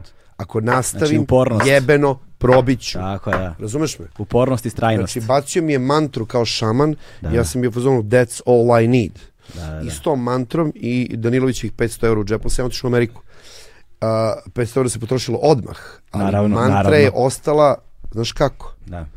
I ta, znači je prvih, bila je jako zajebano, znači prvih dve godine, ne, kao što sam je opisao u knjizi, Mm. hot dog je ovde uh, dolar i po, ali 20 kornera dole je za dolar. Ništa Dolar i meni- 20, kako stoji u knjizi. Nemam pojma, ali dakle možda. Ali ja znam da imam budžet 10 dolara dnevno i da ću se više najesti ako odem dole, nego, znači, pritom nije to, meni imam 31 godinu i pritom sam već Sergij Trifunović u svojoj zemlji, sam već zvezda. Da. Naravno, ja sam već došao iz Užica za Beograd i već sam bio niko i ništa, niko i ništa u Parizu Londonu, niko ništa u Beogradu i Los Ja sam Angelesu. već kod Orvela. Da, da, da. Kad Dakle, kod Orvelovskog života. Da, da, apsolutno. Dakle, meni nije ja nisam tip koji je, uh, sad sam postao konformista u smislu da je dosta više zabavanje potucanja, pa volim da mi je sve gotivno, ali Vidim, Ali, koš, košulja naravno. govori za sebe. normalno, ali za to smo se borili i to smo zaradili, majku. Tako je. Ali ću ti kažem, ali ni- Kredite, belu tehniku Tako i šarene ali ovo košulje. ostalo, ovo ostalo, znaš, nije mi bilo teško i da spavam u parku i da uh, jedem istu kiflu dva dana, znaš, ne, ne mislim, kako bi ti rekao, kad imaš cilj jasan Mm. šta i kako i ako nastavim da kucam probiću i onda krenu to audicija i onda stvarno krenu u to audicija. Znaš, i onda dođeš do, i onda dođeš u jednom trenutku do Debrezein. Debrezein je uz uh, ajde, jedan od, jedan od najvećih casting menadžera Hollywood, genijalna osoba i Sam Mendes snima svoj drugi film Jarhead sa, dakle, posle American Beauty kad je dobio Oscara Znam Jarhead, sa da. Jamie Foxxom i ovaj i to je vrlo interesantno jer audicije su naj to je najveća frustracija na svetu. I ti zaista kao ako se sećaš u filmu True Romance koji je moj omiljeni film kad Michael Rapaport dođe na audiciju kod one žene koja kaže ona debela koja, to, to tako izgleda bukvalno. A okay. Now you reading role of Mitch? On kao, yeah, okay. Well, drum, fuck off, get up! I sad ona treba da kaže, oh, oh, why did you stab me in the back? I'm dying now. I sad ti na to treba da respondeš. Da. A gluma je, nije glumac, nego interaktivni prostor između dva čovjeka rade nešto jebate. Da. I sad ako ti tako neko baci taj hladan diš, to je kao da te udario u, u, u, u, viljuškom u čelo. I sad ti Mokrom kao na to-. Međutim, ja sad naviknut na to i zato mrzim audicije. I prezirem audicije. Ali uvijek od, moraš da ideš na njih, jebi ga. Razumem i ljudi koji imaju strah od audicije. Ja nemam sad više, naravno jer svi prošao milion. Ali ovaj, uh, i ne mislim da je ponižavaju. Mnoge moje ko- ko- kolege smatraju da je ponižavajuće otići na audiciju. Ja sam imao letos kad smo radili, da ne pominjem imena, ženska su, pa ih nećemo pominjati. Ja, pa ja ne... Kažem, šta ti je, bre, smisao će raditi da te vidi u kontekstu ove priče sa nekim drugim kao partnerom. Mislim, neće ništa da ti otpadne z glave, ni kruna, ni kosa, ni uši, ni, mislim, sve će biti to kako jeste. Nećeš se zvati manje kako se zoveš. Uglavnom, Debra Zein je osoba koja je, znači dešava se u Iraku, ona je odmah sa mnom u rovu. Up! Come on! Možda kažem, ok, ok, polako, polako. Izvinite, rekao, nisam očekivao ovo. Ajmo, rekao, molim vas iz početka. I ja s njom, ba, ba, ba, i s njenom asistentkinjom, da odradimo scenu, puf, zove me agent, kaže, Sam Mendes hoćete vidi. To čim reditelj hoćete vidi, ti si već Na konju. na pramcu. Dolazim tamo i on kaže, vidi, vidio sam preko 500 glumaca za ulogu, nemam dilemu uopšte s ti taj. Ove, kaže mi, a, pošto sam ja u CV iz nekog svog ponosa stavio par svojih dragih a, pozorišnih uloga. Mm. Što je, apsolutno ne znači ništa, jer u Los Angelesu redko ko da je čuo za pozorište. Ovaj, moj omiljeni glumac Sean Penn se o pozorištu izrazio kao I, I did theater, I wore a funny hat. Nosio sam smešni šešir. Sad možeš misliti kakav je njihov Odnos prema. odnos prema pozorištu.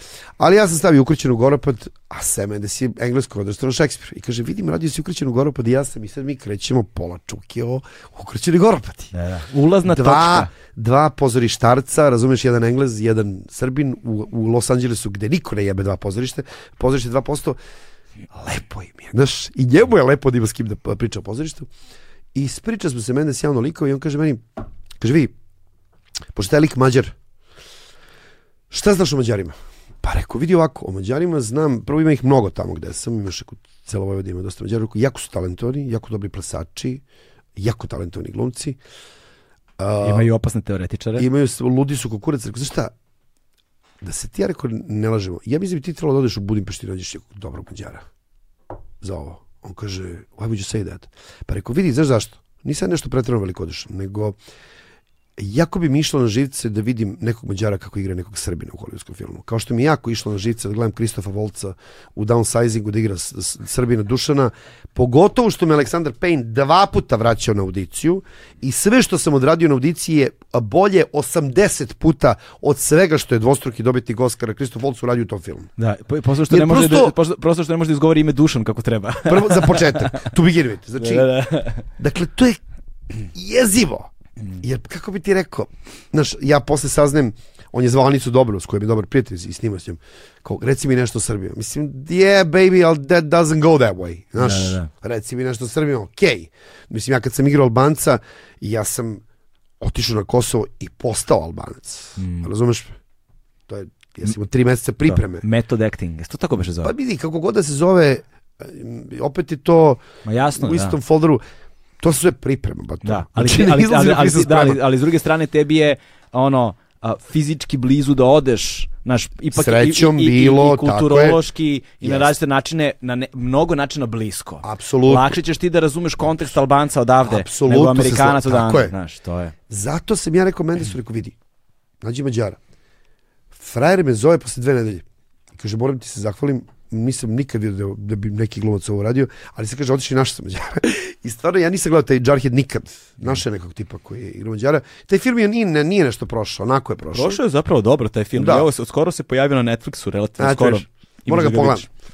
Ovaj, tako da, znaš, taj ethnicity, sad sa- to sa političkom korektnošću, niko ko E, nije da- gej neće moći da igra geja. Da, da, da, to je sada jedna druga Da, to se dimenzija. desilo što Da, e, ali vidiš, to je sad vrlo zanimljivo. A, a kad smo se već dotakli političke korektnosti, kad smo dotakli nacionalnosti, kad smo se Mhm. dotakli tih tema, moramo ponovo i malkice da se vratimo na knjigu. Mhm.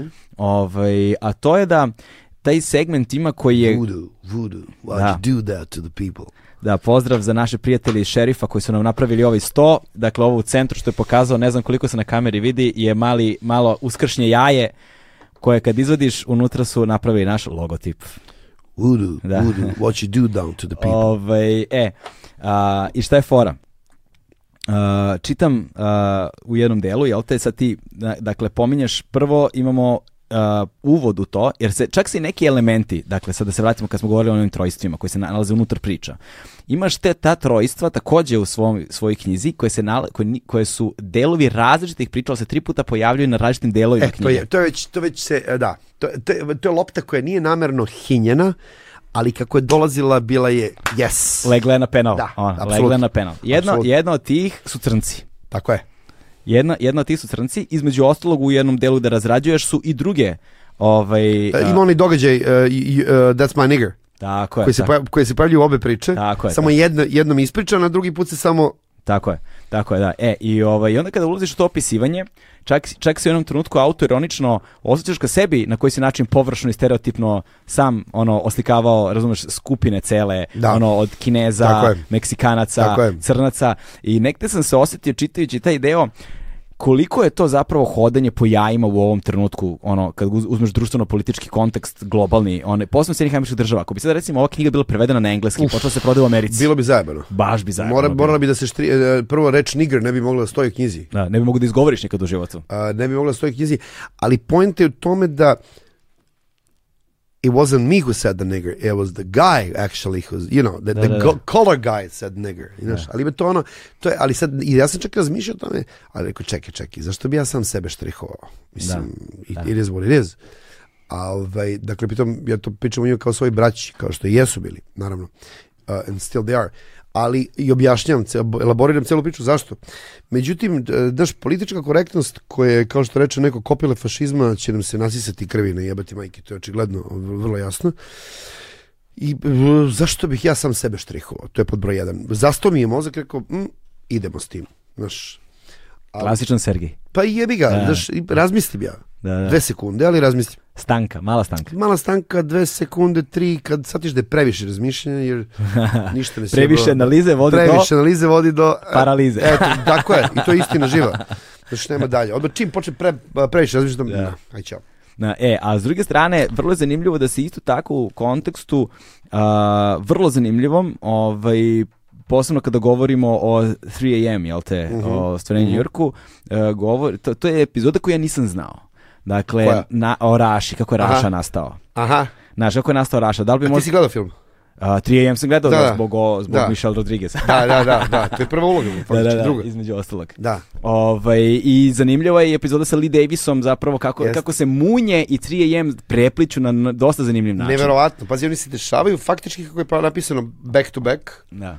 Ja sam bukvalno završio munje 27. maja, a 30. počeo da snimam Mm. u Njujorku 3am.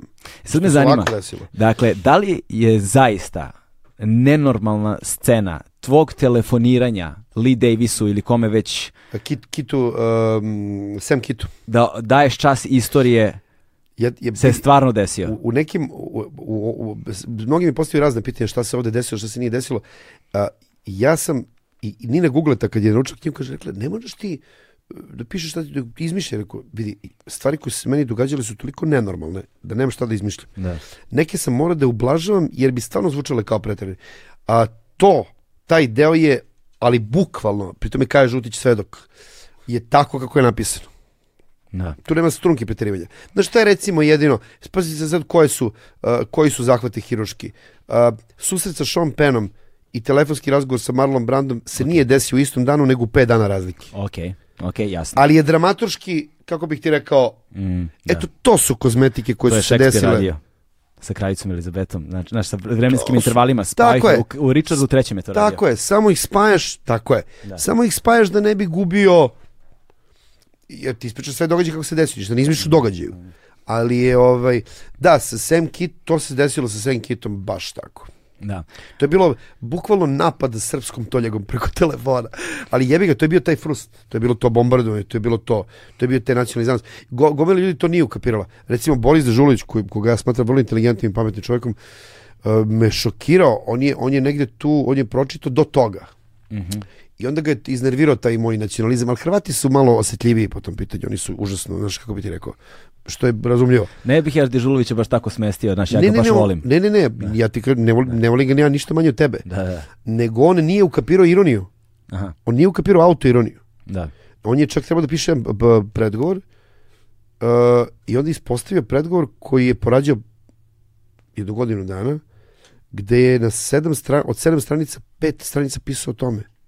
I kažem čoveče, kako je moguće da o- of all people ti nisi shvatio autoironiju moju sadašnju, kao što kažemo, te procese nikad ne završava, u odnosu na ono što sam bio pre 20 godina. Da. Kako je moguće da ti to, a nije ukapirao. A viš koliko god inteligentan čovjek, a nije ukapirao. I onda taj predgovor prosto mora da leti, pošto, kako bi ti rekao, prosto je bio I ja rekao, izviri, ja sam rekao, ne želim da se, da, da se čitalac, ne želim da se Boris Dežulović blamira u mojoj knjizi. Znači, ne želim da neko kaže, čekaj, kako ovaj zemljak ovo nije ukapirao. Da, da. Što, blamira se kod nekog drugog, Kizi, nemoj kod mene, previše te cenim. Da, ali vrlo, vrlo, je- vrlo zanimljivo, zato što za ljude koji ne znaju, ovaj, prosto u kratkim crtama nećemo da opisujemo, ali ti zapravo kada dobijaš scenario, uloga prvobitna koja je trebalo da bude je radikalno drugačija od one, Ra- Uloga Albanac. Da, ali ne samo Albanac, nego je kao ceo Albanac kome su srušili. Mene je najviše pogodio taj moment sa, sa, mostom. starim kamenim mostom. Da, da. To je jedini moment, to je faktički moment kad se ja zaplakao prvi put u ratu, kad je, kad je, kad je školski drug moje majke, general Slobodan Praljak, srušio taj most. I mislim, taj most je mnogo više od mosta. Školski drug tvoje majke. Školski oni su išli zajedno u razred i oni su ga zvali Slino. Stvarno. Vrlo interesantno. Pa niko ne odlazi da bude naš, Mm. Ovaj, da.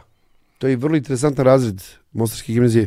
A, Dakle, bio je Praljak, moja Keva, Goran Babić, pesnik, i Roko Markovina, koji je kasnije bio e, gradonačelnik Mostara i čiji je sin e, Damir Markovina, filozof, koji je iz te ekipe u Trkašu. I on je, by the way, Damir Markovina, ili Dragan Stalo ih mešam, jedan je glumac, jedan je filozof. Ist- Istoričar, filozof, da. on je, e, Tako je. on je jedini čovjek koji je napisao recenziju ove knjige. Mm. U Hrvatskoj, u zemlji u kojoj knjiga nije još uvijek izašla. I to je napisao predivnu recenziju. Da. I prvi put mu se ovom prilikom zahvaljujem ovako javno. Ovaj, I on je e, rekao koliko god je bio oduševljen knjigom, nije, nije skrivao oduševljenje što bi rekli ovi iz tablida, ali je rekao da tu ima nacionalističkih momenta, opet ne kapirajući, ali kažem ti, Hr kod Hrvata, to sam malo debatovao baš, e, vrlo je to pipavo njihovo pitanje, oni se drugačije diluju sa svojim nacionalizmom, što je opet razumljivo. Pa znaš kako, nacionalizam i Nemaju general- tu slobodu, jebi ga, zato što, dobro, ne bih rekao nužno oni, više, više bih izdvojio tebe kao pojedinca koji ima slobodu. Znaš, mnogi ljudi zapravo Pa nemaju moguće, slobodu da. da. komuniciraju te stvari na taj način, na način na koji si ti, baš upravo zbog toga, zato što, zato što ti, se, ti takvom vrstom odluka, koje su kod tebe, kako kaže sam, stanka, ono, i sad sam previše razmišljao, piči, ovaj, znaš, ne visok rizik, visoka nagrada, ali i ve- velika opasnost, znaš, i ti si najgore spreman, je autocenzura. da, i ti si spreman da hodaš po toj liniji Jebi ga. hod po žici, znaš. I to je, to je možda jedna od tvojih najvećih vrednosti. Znaš, ako ne i najveća, spremnost Možda. da hodaš po toj žici. Možda, znaš, pa ti... Jer, jer, se, jer se tu i u uspesima i u padovima zapravo razotkrivaju brojne stvari. Znaš, i oguljavaju možda neki sistemski, nekakvi hronični ili akutni društveni problemi. Bre, Znaš. Znaš. što si bre, čekaj, početi gledam tvoj podcast ovdje. Jer možemo sad da napravimo još jednu push pauzu da ja stvarim ovo, ove sve informacije. Može, može, može, ajde, pa ćemo da, pola, pa ćemo da finalni deo razgovora. Da, da, da. Ajde. Znaš, najveća lepota ovih otvorenih formata je što, em, što razgovor traje koliko prirodno traje, To je fantastično. je i u tome uh, što u- često kažem ljudima kad si posljednji put seo sa nekime dva, tri sata, nije važno, a da nisi gledao mobilni telefon. Da, da, da, da, da. Da, da ispriča se ovako sve. Pritom je svrsishodno, znaš, zato što stvarno možda čuješ gomilu stvari koje su onako, A neke priče moraju da se ispričaju. neki priče jednostavno, pa je napisana vreme. knjiga. Neki priče jednostavno moraju da se ispričaju. Mm, Znaš, to je to, kao, kako je Selimović govorio, uvek mi se dopadala njegova definicija pisca. Kaže, uh, čovjek koji ima potrebu da krikne u prostor ono što ga muči. Pa da. Znaš, Da.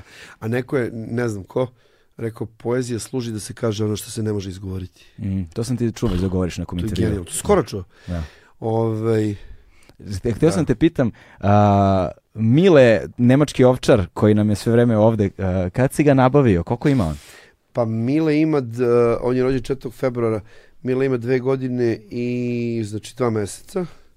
Pa vrlo čudno, znaš, to sad ulazi u onaj, u onaj spektar onih priča o zakonu privlačnosti. Dakle, a, hrono- hronologija je sledeća, ja živim u Sava Maloj, moja drugarica Darija Babović dolazi i kaže, ej, rešili smo ti na Simić ja da ti kupimo macu. Tu se nalazi Đorđe Miljanović, ali je Sky Vikler, koji kaže ovako, nemojte mu kupovati ništa što ima puls. Ja kažem, exactly. Ovaj, I sad prolazi recimo 10 dana, pošto Darija ima neko kuće, pa ima neku devojku koja čuva to kuće kad ona bla bla bla. I sad ta devojka u Zvezdarskoj šumi je našla macu koja se omacila, umrla, sirota, umrlo je dvoje jedna je preživjela. I kaže, ima isto dopalo kao Survivor. Ja, našli smo macu, preživjela, kaže, ajde da vidim kako izgleda. A oni su onako oprali i pošalju mi fotku na Viber. Znači, oni imaju onako peškirić i onako sve crne i neke smaragdne okice. I ja kažem, dajte mi je. I sad jedan put dolazimo po nju i sad to je nešto volicno, onako neko govno. I ona sad raste i mnogo je slatka i sve super. Međutim, ja nikad nisam kući ona je sama. I meni to jako mi je tužno što je ona sama. I ja sad želim, pošto vidim da su mačke, ne znam ništa o njima, ali sad kapiram s njom, vrlo su samodržive. Ona je, znači ti odmah doneseš onako onaj, onu kuticu, ona je ovako, ovolicna je bila, ušla u tu kuticu, israla najmanje govance koje sam ikad u životu vidio nešto ovolicno i ispišala ovako, pić, mali piš, ovako, pić, i to je bilo to, dikad van kutije ništa. I ja kao, ovo je super, a rekao ću i nabavim ja još jednog. Znaš, bilo bi super da je mačar, odem na drugu priču. I sad, ovaj, Luda Jelena koja tamo radi, ono stalo gaj mačke i sad mačke su, pošto ona ih hrani, međutim one ne ulaze u, u prostor, u kafanu. Tu su okolo, plaše se ljudi. I ali ona ih hrani. Ja sad dolazim da jedem puna bašta i čujem neki zvuk. Ljudi pričaju i čujem kakav rekao zvuk, šta je ovo? I provalim ovo licno neko mače koje ne da se ne plaši, nego se penje ljudima po stolovima, znaš, i i vadi šnicle iz, razumeš, hoće da jede. Takav je i danas Rajko. I onda uzmem Rajka i dovedem i pridružim. I jedan put imam dve mačke. Imam mačku i mačora. Ona se zove Beba Lončar, ona se zove Rajko. I ovaj, a, i onda razmišljam kući, vrlo interesantno, što nisam teo da imam neke životi. Kad bi imao psa, to naravno ne dolazi u obzir. Znaš, odmah kažeš univerzumu, nemoj da... Mišli kao, koji bi to pas bio? Hm, Vuček. Ja sad dođem do toga, Vuček je do, ja, zašto? Zato što je ovakav, ona, uf, rekao Vuček. U stvari, Vuček, kad bi imao psa, to neću imati, ali ne, ne neću držati psa, ostanu pred dve mačke, ali kao, kad bi imao, to je bio Vuček. Četiri dana kasnije, ali pazi, bukvalno četiri dana kasnije, idemo u Kikindu, neka politička tribina, Cjetin Milivojević, ne znam ko je bio ja, bla, bla, i sad dolazimo kod tipa koji se zove Zoran Milešić, koji sad priča kako ima veliku uzgavičnicu Vučijaka, ja kao Vučijaka, aha, ja sad to slušam s pola uveta, i kaže, oj, ja kažem, interesantno Vučijak, rekao, baš sam pre neki dan razmišljao Vučicima, kaže, ba da, ja ovde, kaže, hotel ceo u predu, kao to vodim računa, daga, daga, daga, daga, i kaže, baš sam, kaže, toliko ih imam, kaže, baš sam posljednjem dao ime Sergij. ja rekao, stvarno? Kao, da, da, kao pa po vama, pa kažem, ja, mogu Baš da po ga, tebi? Da, Wow. preko, jel mogu da ga vidim? Kaže, da, naravno. Sad dolazim tamo njih osam malih evoksa koji... Ja sam došao samo da ga vidim. Nisam ja ošte došao s namerom da ga nosim. Mm. I ovako gledam, a naravno on mi čita misli, kaže, mislim, slobodno ga, ako hoćeš, imam ih, evo. I kao dobijem Vučeka na poklon i naravno, pošto je glupo vičeš Sergij fuj to, onda sam mu naravno dao ime Mile. da, bilo bi strava da imaš se koji se zove Sergej, to bi baš bilo onako. bi baš. Idu dva on se- Sergeja on se ulicom. faktički zove se, sad sam krstio jednog, pošto Milošević, uh, vodio sam Mileta da vidi rodbinu tamo u Kikindu. ovaj, I onda, pošto tamo su njegova sestra, pa sad njeni klinci i tako dalje, i to su sad a Miletov Ćale, a pazi, a Sergijev Ćale se zove Quentin. I Quentin je šampion Nemački, pošto Milošević vrlo onako vodi računa da su to Da, da. ozbiljni oni predstavnici svoje rase. I ovaj, dolazimo tamo, ovaj, i on sad pokazuje bi leglo, to su ovo licni mali. I on već zna, kaže, on kaže, znam koji će biti priplodni primerak. Kako rekao, znaš, jebate kad su voli, kaže, sve znam. Znaš, on ih prati, meri. Evo, kaže, ovo će biti Šaptač, kako zove, dog whisperer. Da, da, da. I ja sad uzmem jedno malo, kaže, evo sad, pošto su svi na M, on kaže, nema ime, možda mu budeš kum. Ja rekao, Miles. Tako da je Miles, ovaj, no, novi priplodnik se zove Miles. Ovaj, I još, još uvijek je u lici. Da, da, da. Vidjet ćemo, bit će čudovište kad poraste A vrlo. kako, kako Mile jadan kad nisi tu? Mile ima, ima, ima ozbiljan program. Mile ima prvo Ana Oreg, koji je inače član pokreta Slobodnih građana i sad je ušla u skupštinu, bit će narodni poslanik, tamo ćete vidjeti jedna divna osoba koja je veterinar, Uh, ona ima ambulantu u Novom Sadu na Telepu i ima ceo prostor iza, ima pansion za pse, ima, ko- Da. to je, kako bi ti rekao, božanstveno, jer dolazi, ostavljaju ljudi druge pse, tako da Mila ima s kim da se druži, Mila je socijalan, voli da se druži, znaš? Baš je dobar, da. Tako da je ovaj tako da ja mogu da odem mesec dva kao što sad bio u Španiji i da ga ostavim i dobijam slike i fotke i snimke i sve super jer znam da je u najboljim rukama mogućim. A u Španiji si bio privatno ili? Ne, u Španiji sam snimao film. Snimao sam uh, uh, Mark Reća se zove pardon, katalonski reditelj, inače jedini katalonski reditelj koji je ikad bio u zvaničnoj selekciji u Kanu. Hmm.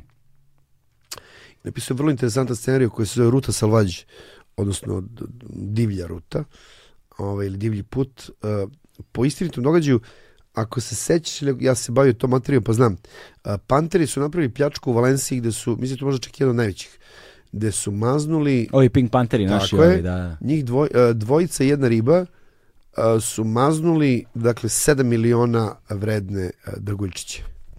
E, poštite, ono što je vrlo interesantno i meni najinteresantnije kod Pontera, o kojima jako želim da uradim seriju, ali onako baš pravo seriju, nema što je radio Joachim, Johan Renk, nego ozbiljno se. Znači, u ni jednoj njihovoj pljački, pljački, znači, nije ispaljen metak, nije povišen glas, ni udaren šamar. Mm. Nikad. Samo tu. A, došlo je, opalio se jedan metak između njih troje, koji je pogodio tu devojku. Oni su nestali, nikad nisu uhvaćeni, a Mark je krenuo what if? Ako su oni krenuli da beže u Francusku preko Pirineje i onda je tu dvojicu a, koju igramo Boris Isaković i ja poslao u jednu katalonsku i sad da vam ne, ne, ne, ne spojlujem radnju filma ali smo snimali taj film Ruta Salvađe tamo u Pirinejima odnosno u Serdanji. Serdanje je um, oblast uh, u Kataloniji koja je apsolutno jedna pa mogu reći to zvao sam Srđe Anđelića pošto njegov brat živi u Toskani i rekao sam mu recimo u razvoru da je Toskana ćao Znaš, mislim ovo je prvo ti si na 1000 metara a ide do 3300 tu je Andora, Andora je na 35 minuta Mm. to je najlepši vazduh, to je najlepša hrana, to je na kraju naj, najbolje vino koje sam ikad u životu pio. Onda mi kaže drugarica, kaže, e si probao njihove čokolade? A kaj sa čokolade, jebote, što prodaj kobaja i sireva. Ona kaže, ne, neko čokolade. Ja kupim čokolade. Čokolade su im najbolje na svetu. Znači sve im je najbolje moguće.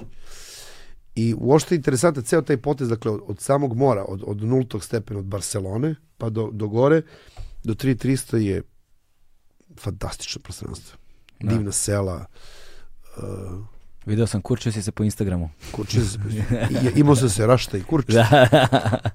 A, malo pre dok smo bili na push pauzi, a, ispričao si nešto što nisam imao pojma. Izvini, ko je ovo? A, to je Kami.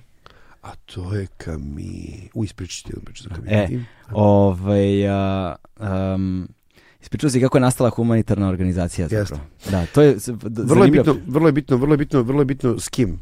A, dakle, inicijalna kapisla je dakle, došla od, od Antonije Pušića.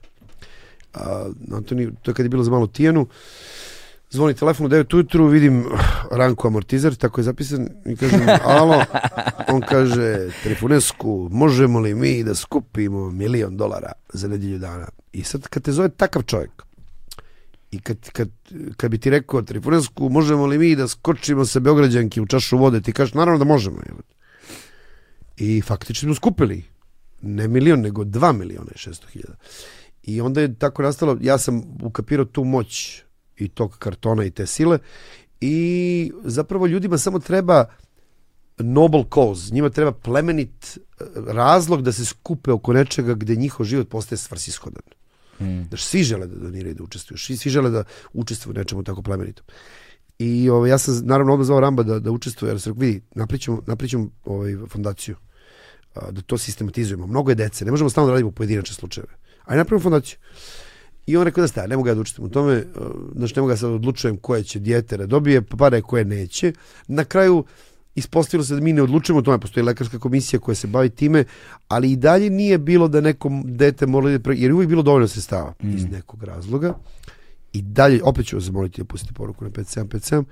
Ovaj, 200 dinara. 200 dinara, da li, s tim što mi smo se za razliku od Šapića koji se mnogo bavio tom fondacijom, mi se zapravo uopšte nismo bavili ni, njom ni marketinški ni na bilo koji drugi način. Onako živi sama od sebe, mnogi ljudi pitaju da li i dalje postoji, naravno postoji. Sad planiramo zaista da se bavimo time. Ovaj, tako da, da zvaćete da učestvuješ u tome. Neko da je, da je Sa, sa zadovoljstvom. da, da, da je popularizujemo i da, da, da napravimo nešto što a, o tom potom.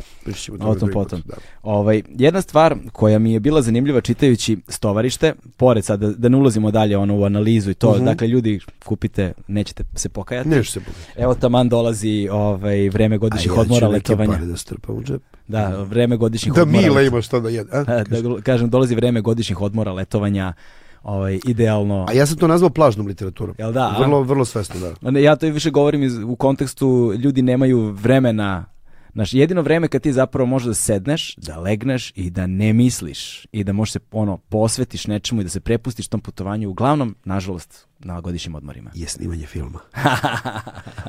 Provalio sam da se na snimanju filma najbolje čita.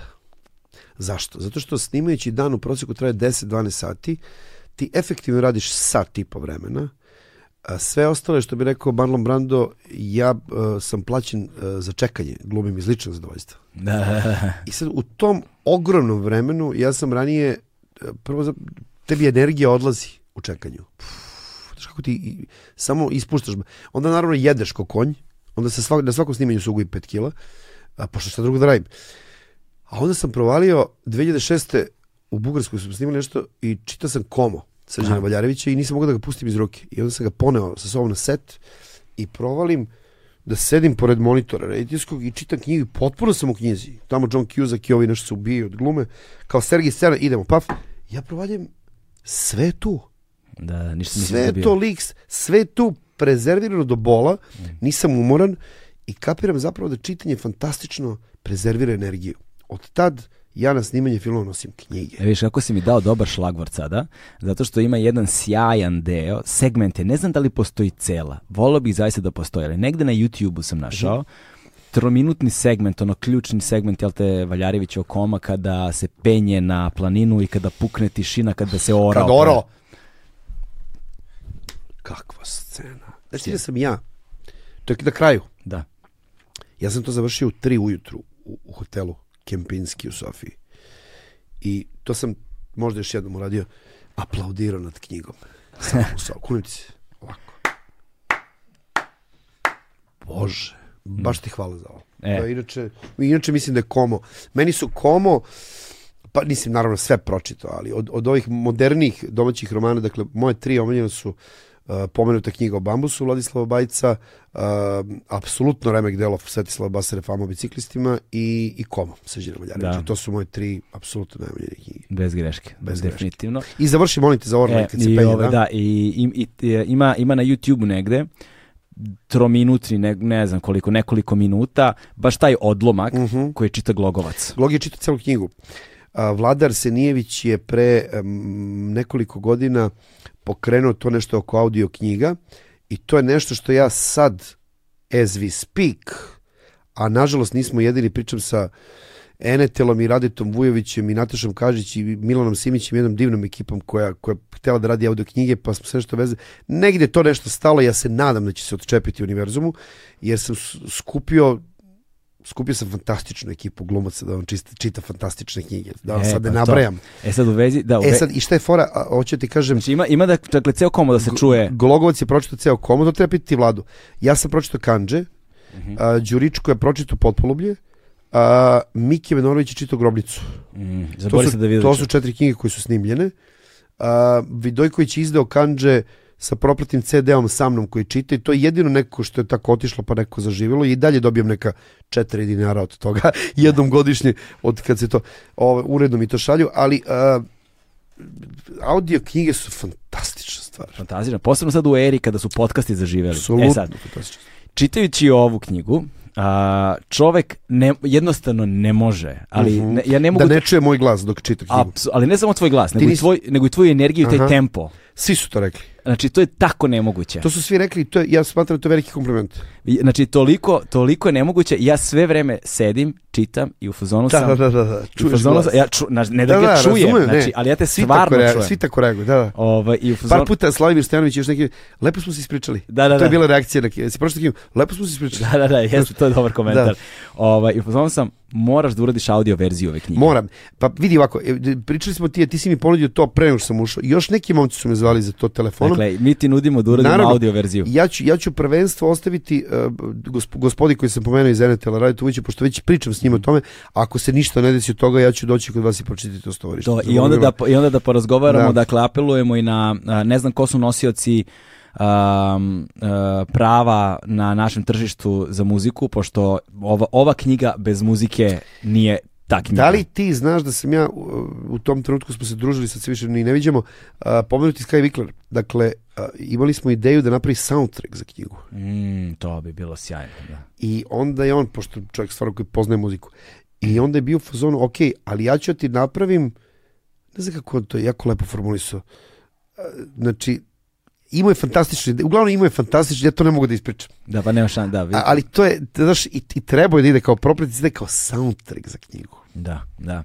Ali ovde su vrlo... a, Pardon. Ništa, Ovde ništa. su vrlo zanimljivi trenuci, zato što mi smo svega izdvojili nekoliko, ali ovde je pre, prevashodno muzičkih referenci. Mi smo Mhm. pomenuli ovde samo Stevie Wondera, ali ovde je ono priče o Stonesima koliko ima, ne znam, Dil, d- on, on, Boba Dilana ima, Da. ne znam, mislim ovde ima zaista Johnnyja Štulića, Johnny ne znam, Štulić. svega i svačega.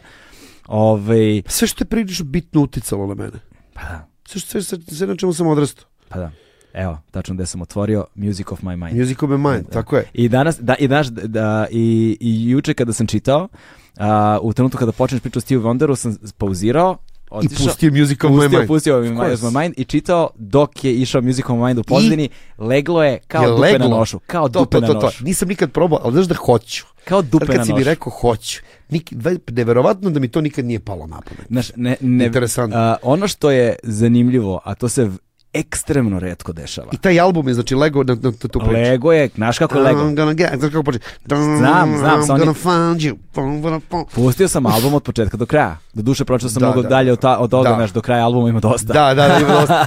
ali, ali je vrlo je zanimljivo to što um, uh, obično kada nešto čitam ili radim, Mhm. nešto što zahteva neku vrstu pažnje ili fokusa, ne mogu da slušam muziku koja ima tekst. Da, da, da. Sada je moglo.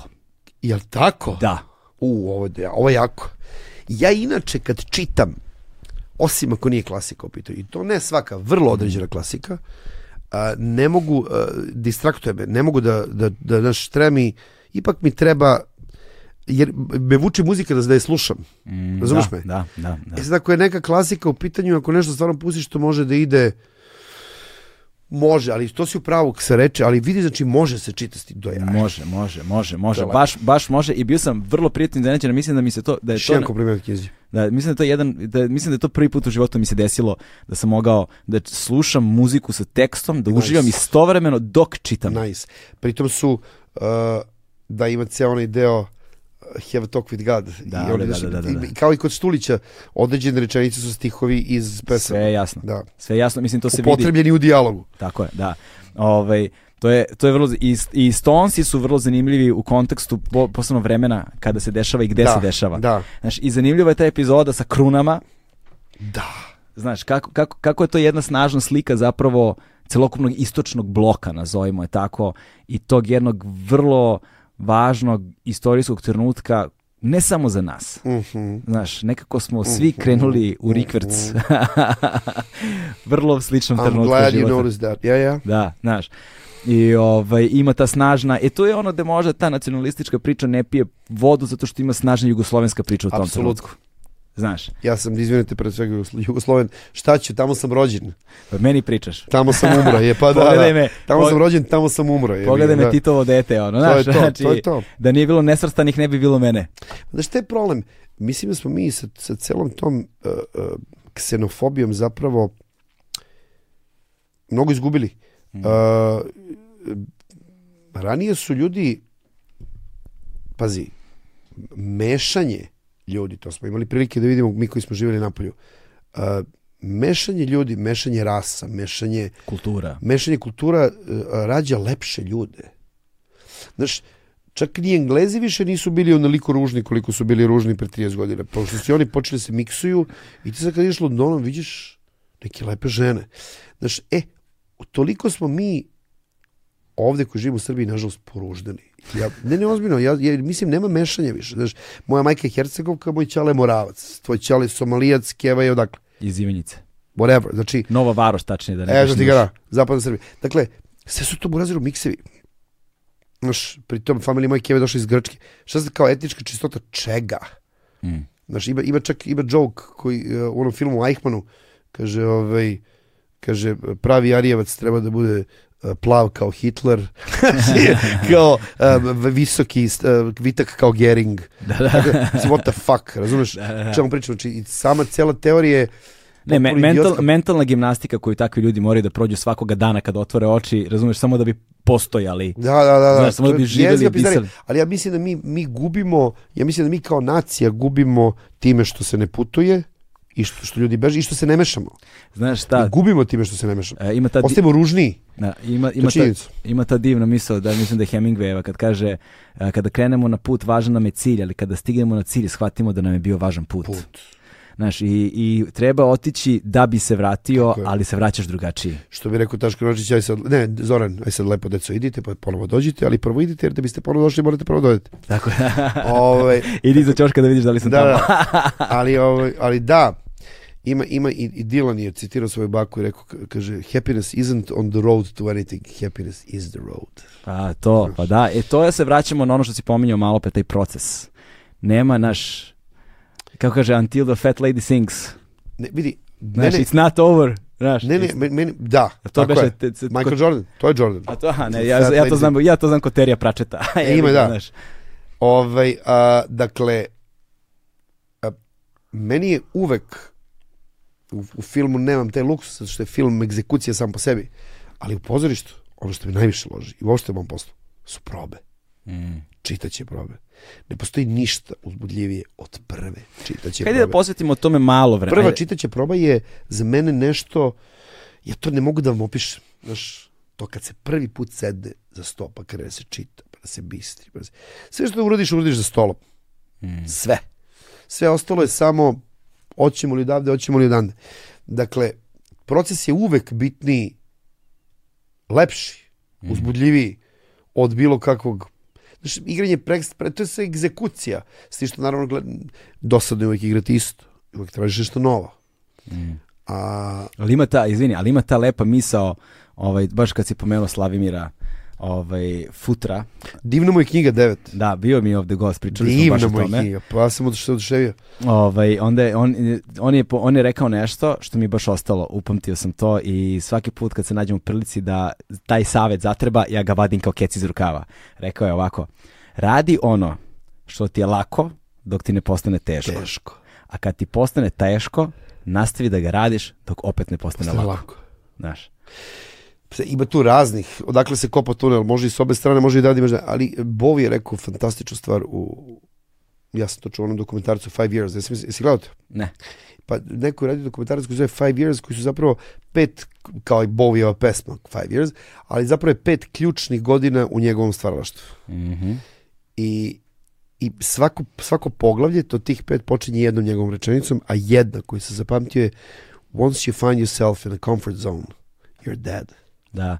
Mislim, ali, da, ali pazi. Mrtav si, ali kao, znaš kao, Čim kako- si na kako- sigurnom groundu, Ali ja sam- Ali ja sam u fazonu, kako nađeš pet ključnih godina kao Davida Bovija, brate, kao svaki dan Davida Bovija bio ključna godina. Exactly, ali ako, ako, bi, ako bi morao to da digestiš i pre, predstaviš ljudima, onda imaš, eto, imaš to na raspolaganje. ga. Ali to je živa istina. Once you, kaže, u jednom trenutku, znači svaki put kad si u comfort zoni, sranje. Znaš, alarm se pali uvek kad si u comfort zoni. Nešto nije u redu, majku mu. Da. Znaš, tako lako i to.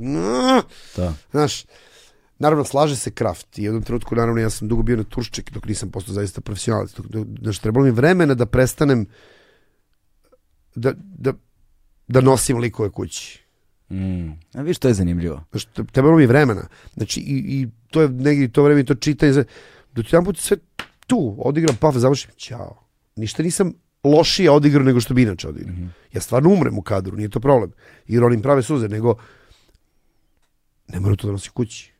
Kako se naučiš da ne nosiš kući? Pa vidi, ja imam, to je samo kilometraža. da, mislim jednom da trenutku ti se slože stvari, samo se ti se po... ti kad ponavljaš stvari, one koje su ti lake dok ti ne postanu teške, onda teške postanu lake, a ti dok ponavljaš stvari, stvari ti se same slažu. Znaš, stvari koje su jako teške, ma bre, repeticio est matera studiorum, nisu to bez veze rekli, nema tu sad šta.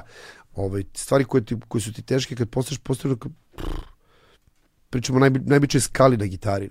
Da, to, su, to je recimo stvar koju često vidim da ljudi brkaju u svakodnevnom životu i generalno kada razgovaram sa ljudima. To je dve stvari brkaju. Brkaju banalnost i jednostavnost. Vrlo često brkaju. U, kako to čoveče? Pa zato što ljudi misle kada nešto uradiš jednostavno da si banalizovao. U, Znaš, ne razumejući upravo da je kontra. Upravo obrnuto. Znaš kao, zato što na, o, najveći majstori mogu jedino da postignu nešto jednostavno, jer to je jedini dokaz da zapravo vladaju to, time što rade. Kako je, kako je Roberto Ventura rekao manje i više, pa je to postalo pravilo ne samo arhitekturi, već uh, zapravo i mogu misliti tek u glumi. Evo recimo, uzet ću ti jedan primjer. Um, Johnny Depp, on je Roberto Ventura glume. Dakle, ta količina, taj, taj uh, izbor sredstava koji on pravi lik, to ne ide više od 1, 2, 3. Mm. I to čak nije ni lik, to je kroki. kroki. Ali to je toliko jednostavno i toliko tačno jebeno da ja sam u kako bre, mami. Znaš, ono, Znaš malo da vidiš, bilo bi zanimljivo kada bi ti napravio nekakav video serijal, Pa ne, recimo na imaš, YouTube-u, imaš ono ektor, on ektor, imaš ono ektor, ektor. one kao breakdown, recimo likova i kao, znaš, da radiš analizu. Pa bilo bi to interesantno raditi, znaš ektor, ektor, znaš što? Ne, ne. ne. Ektor, ektor, sede recimo Adam Sandler i Brad Pitt u studiju.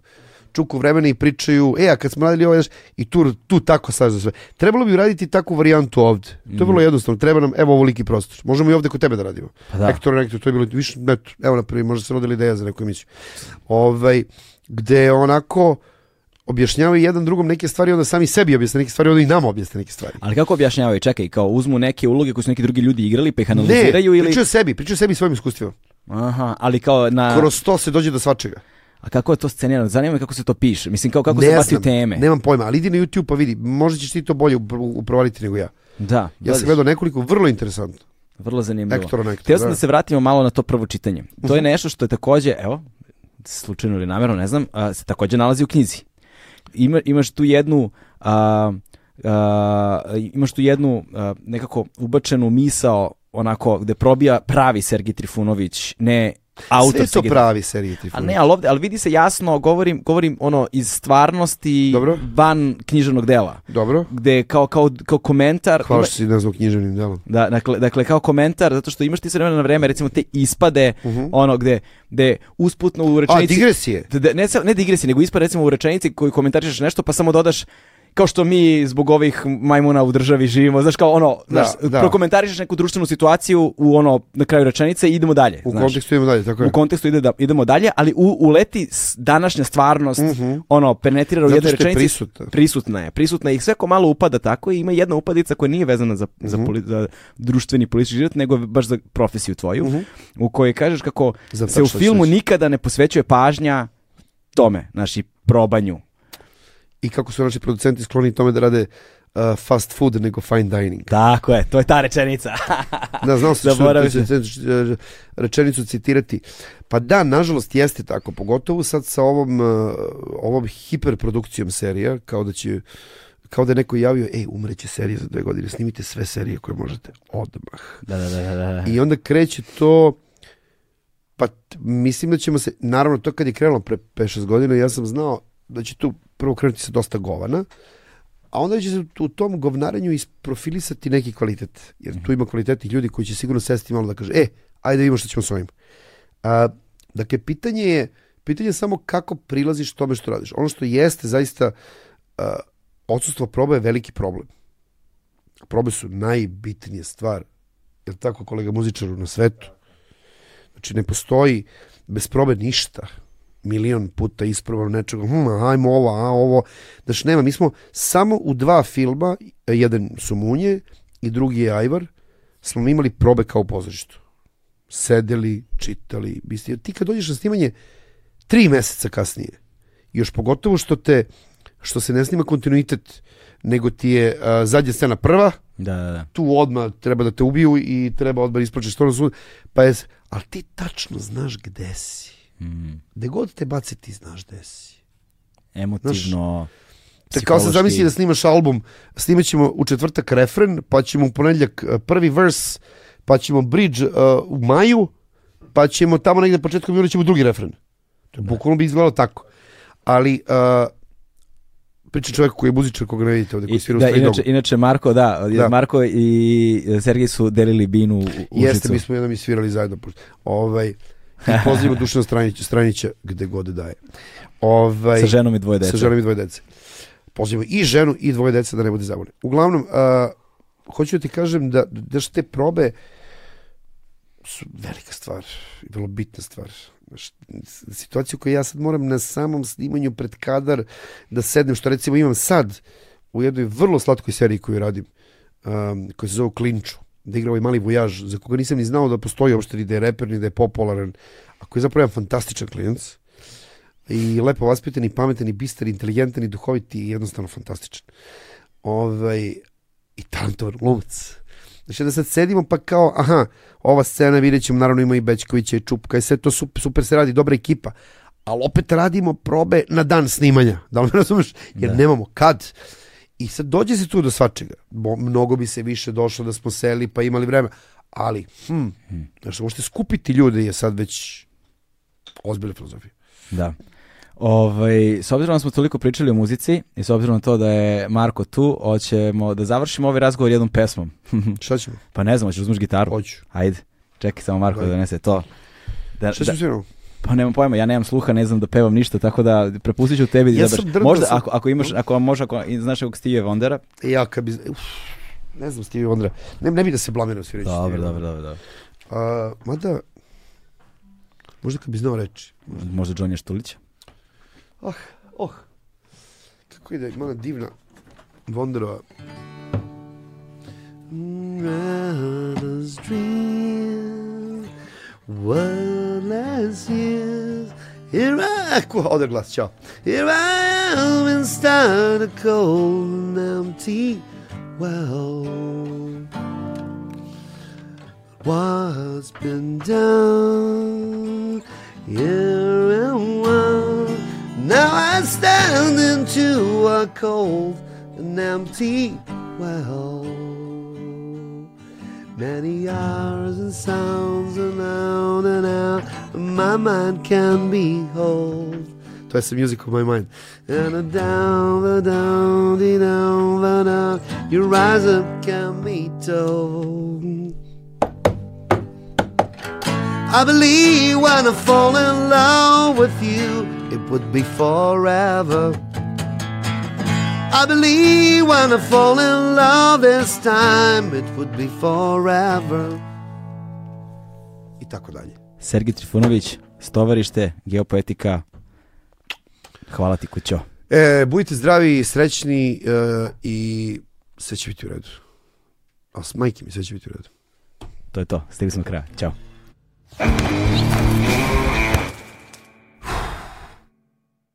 Hmm.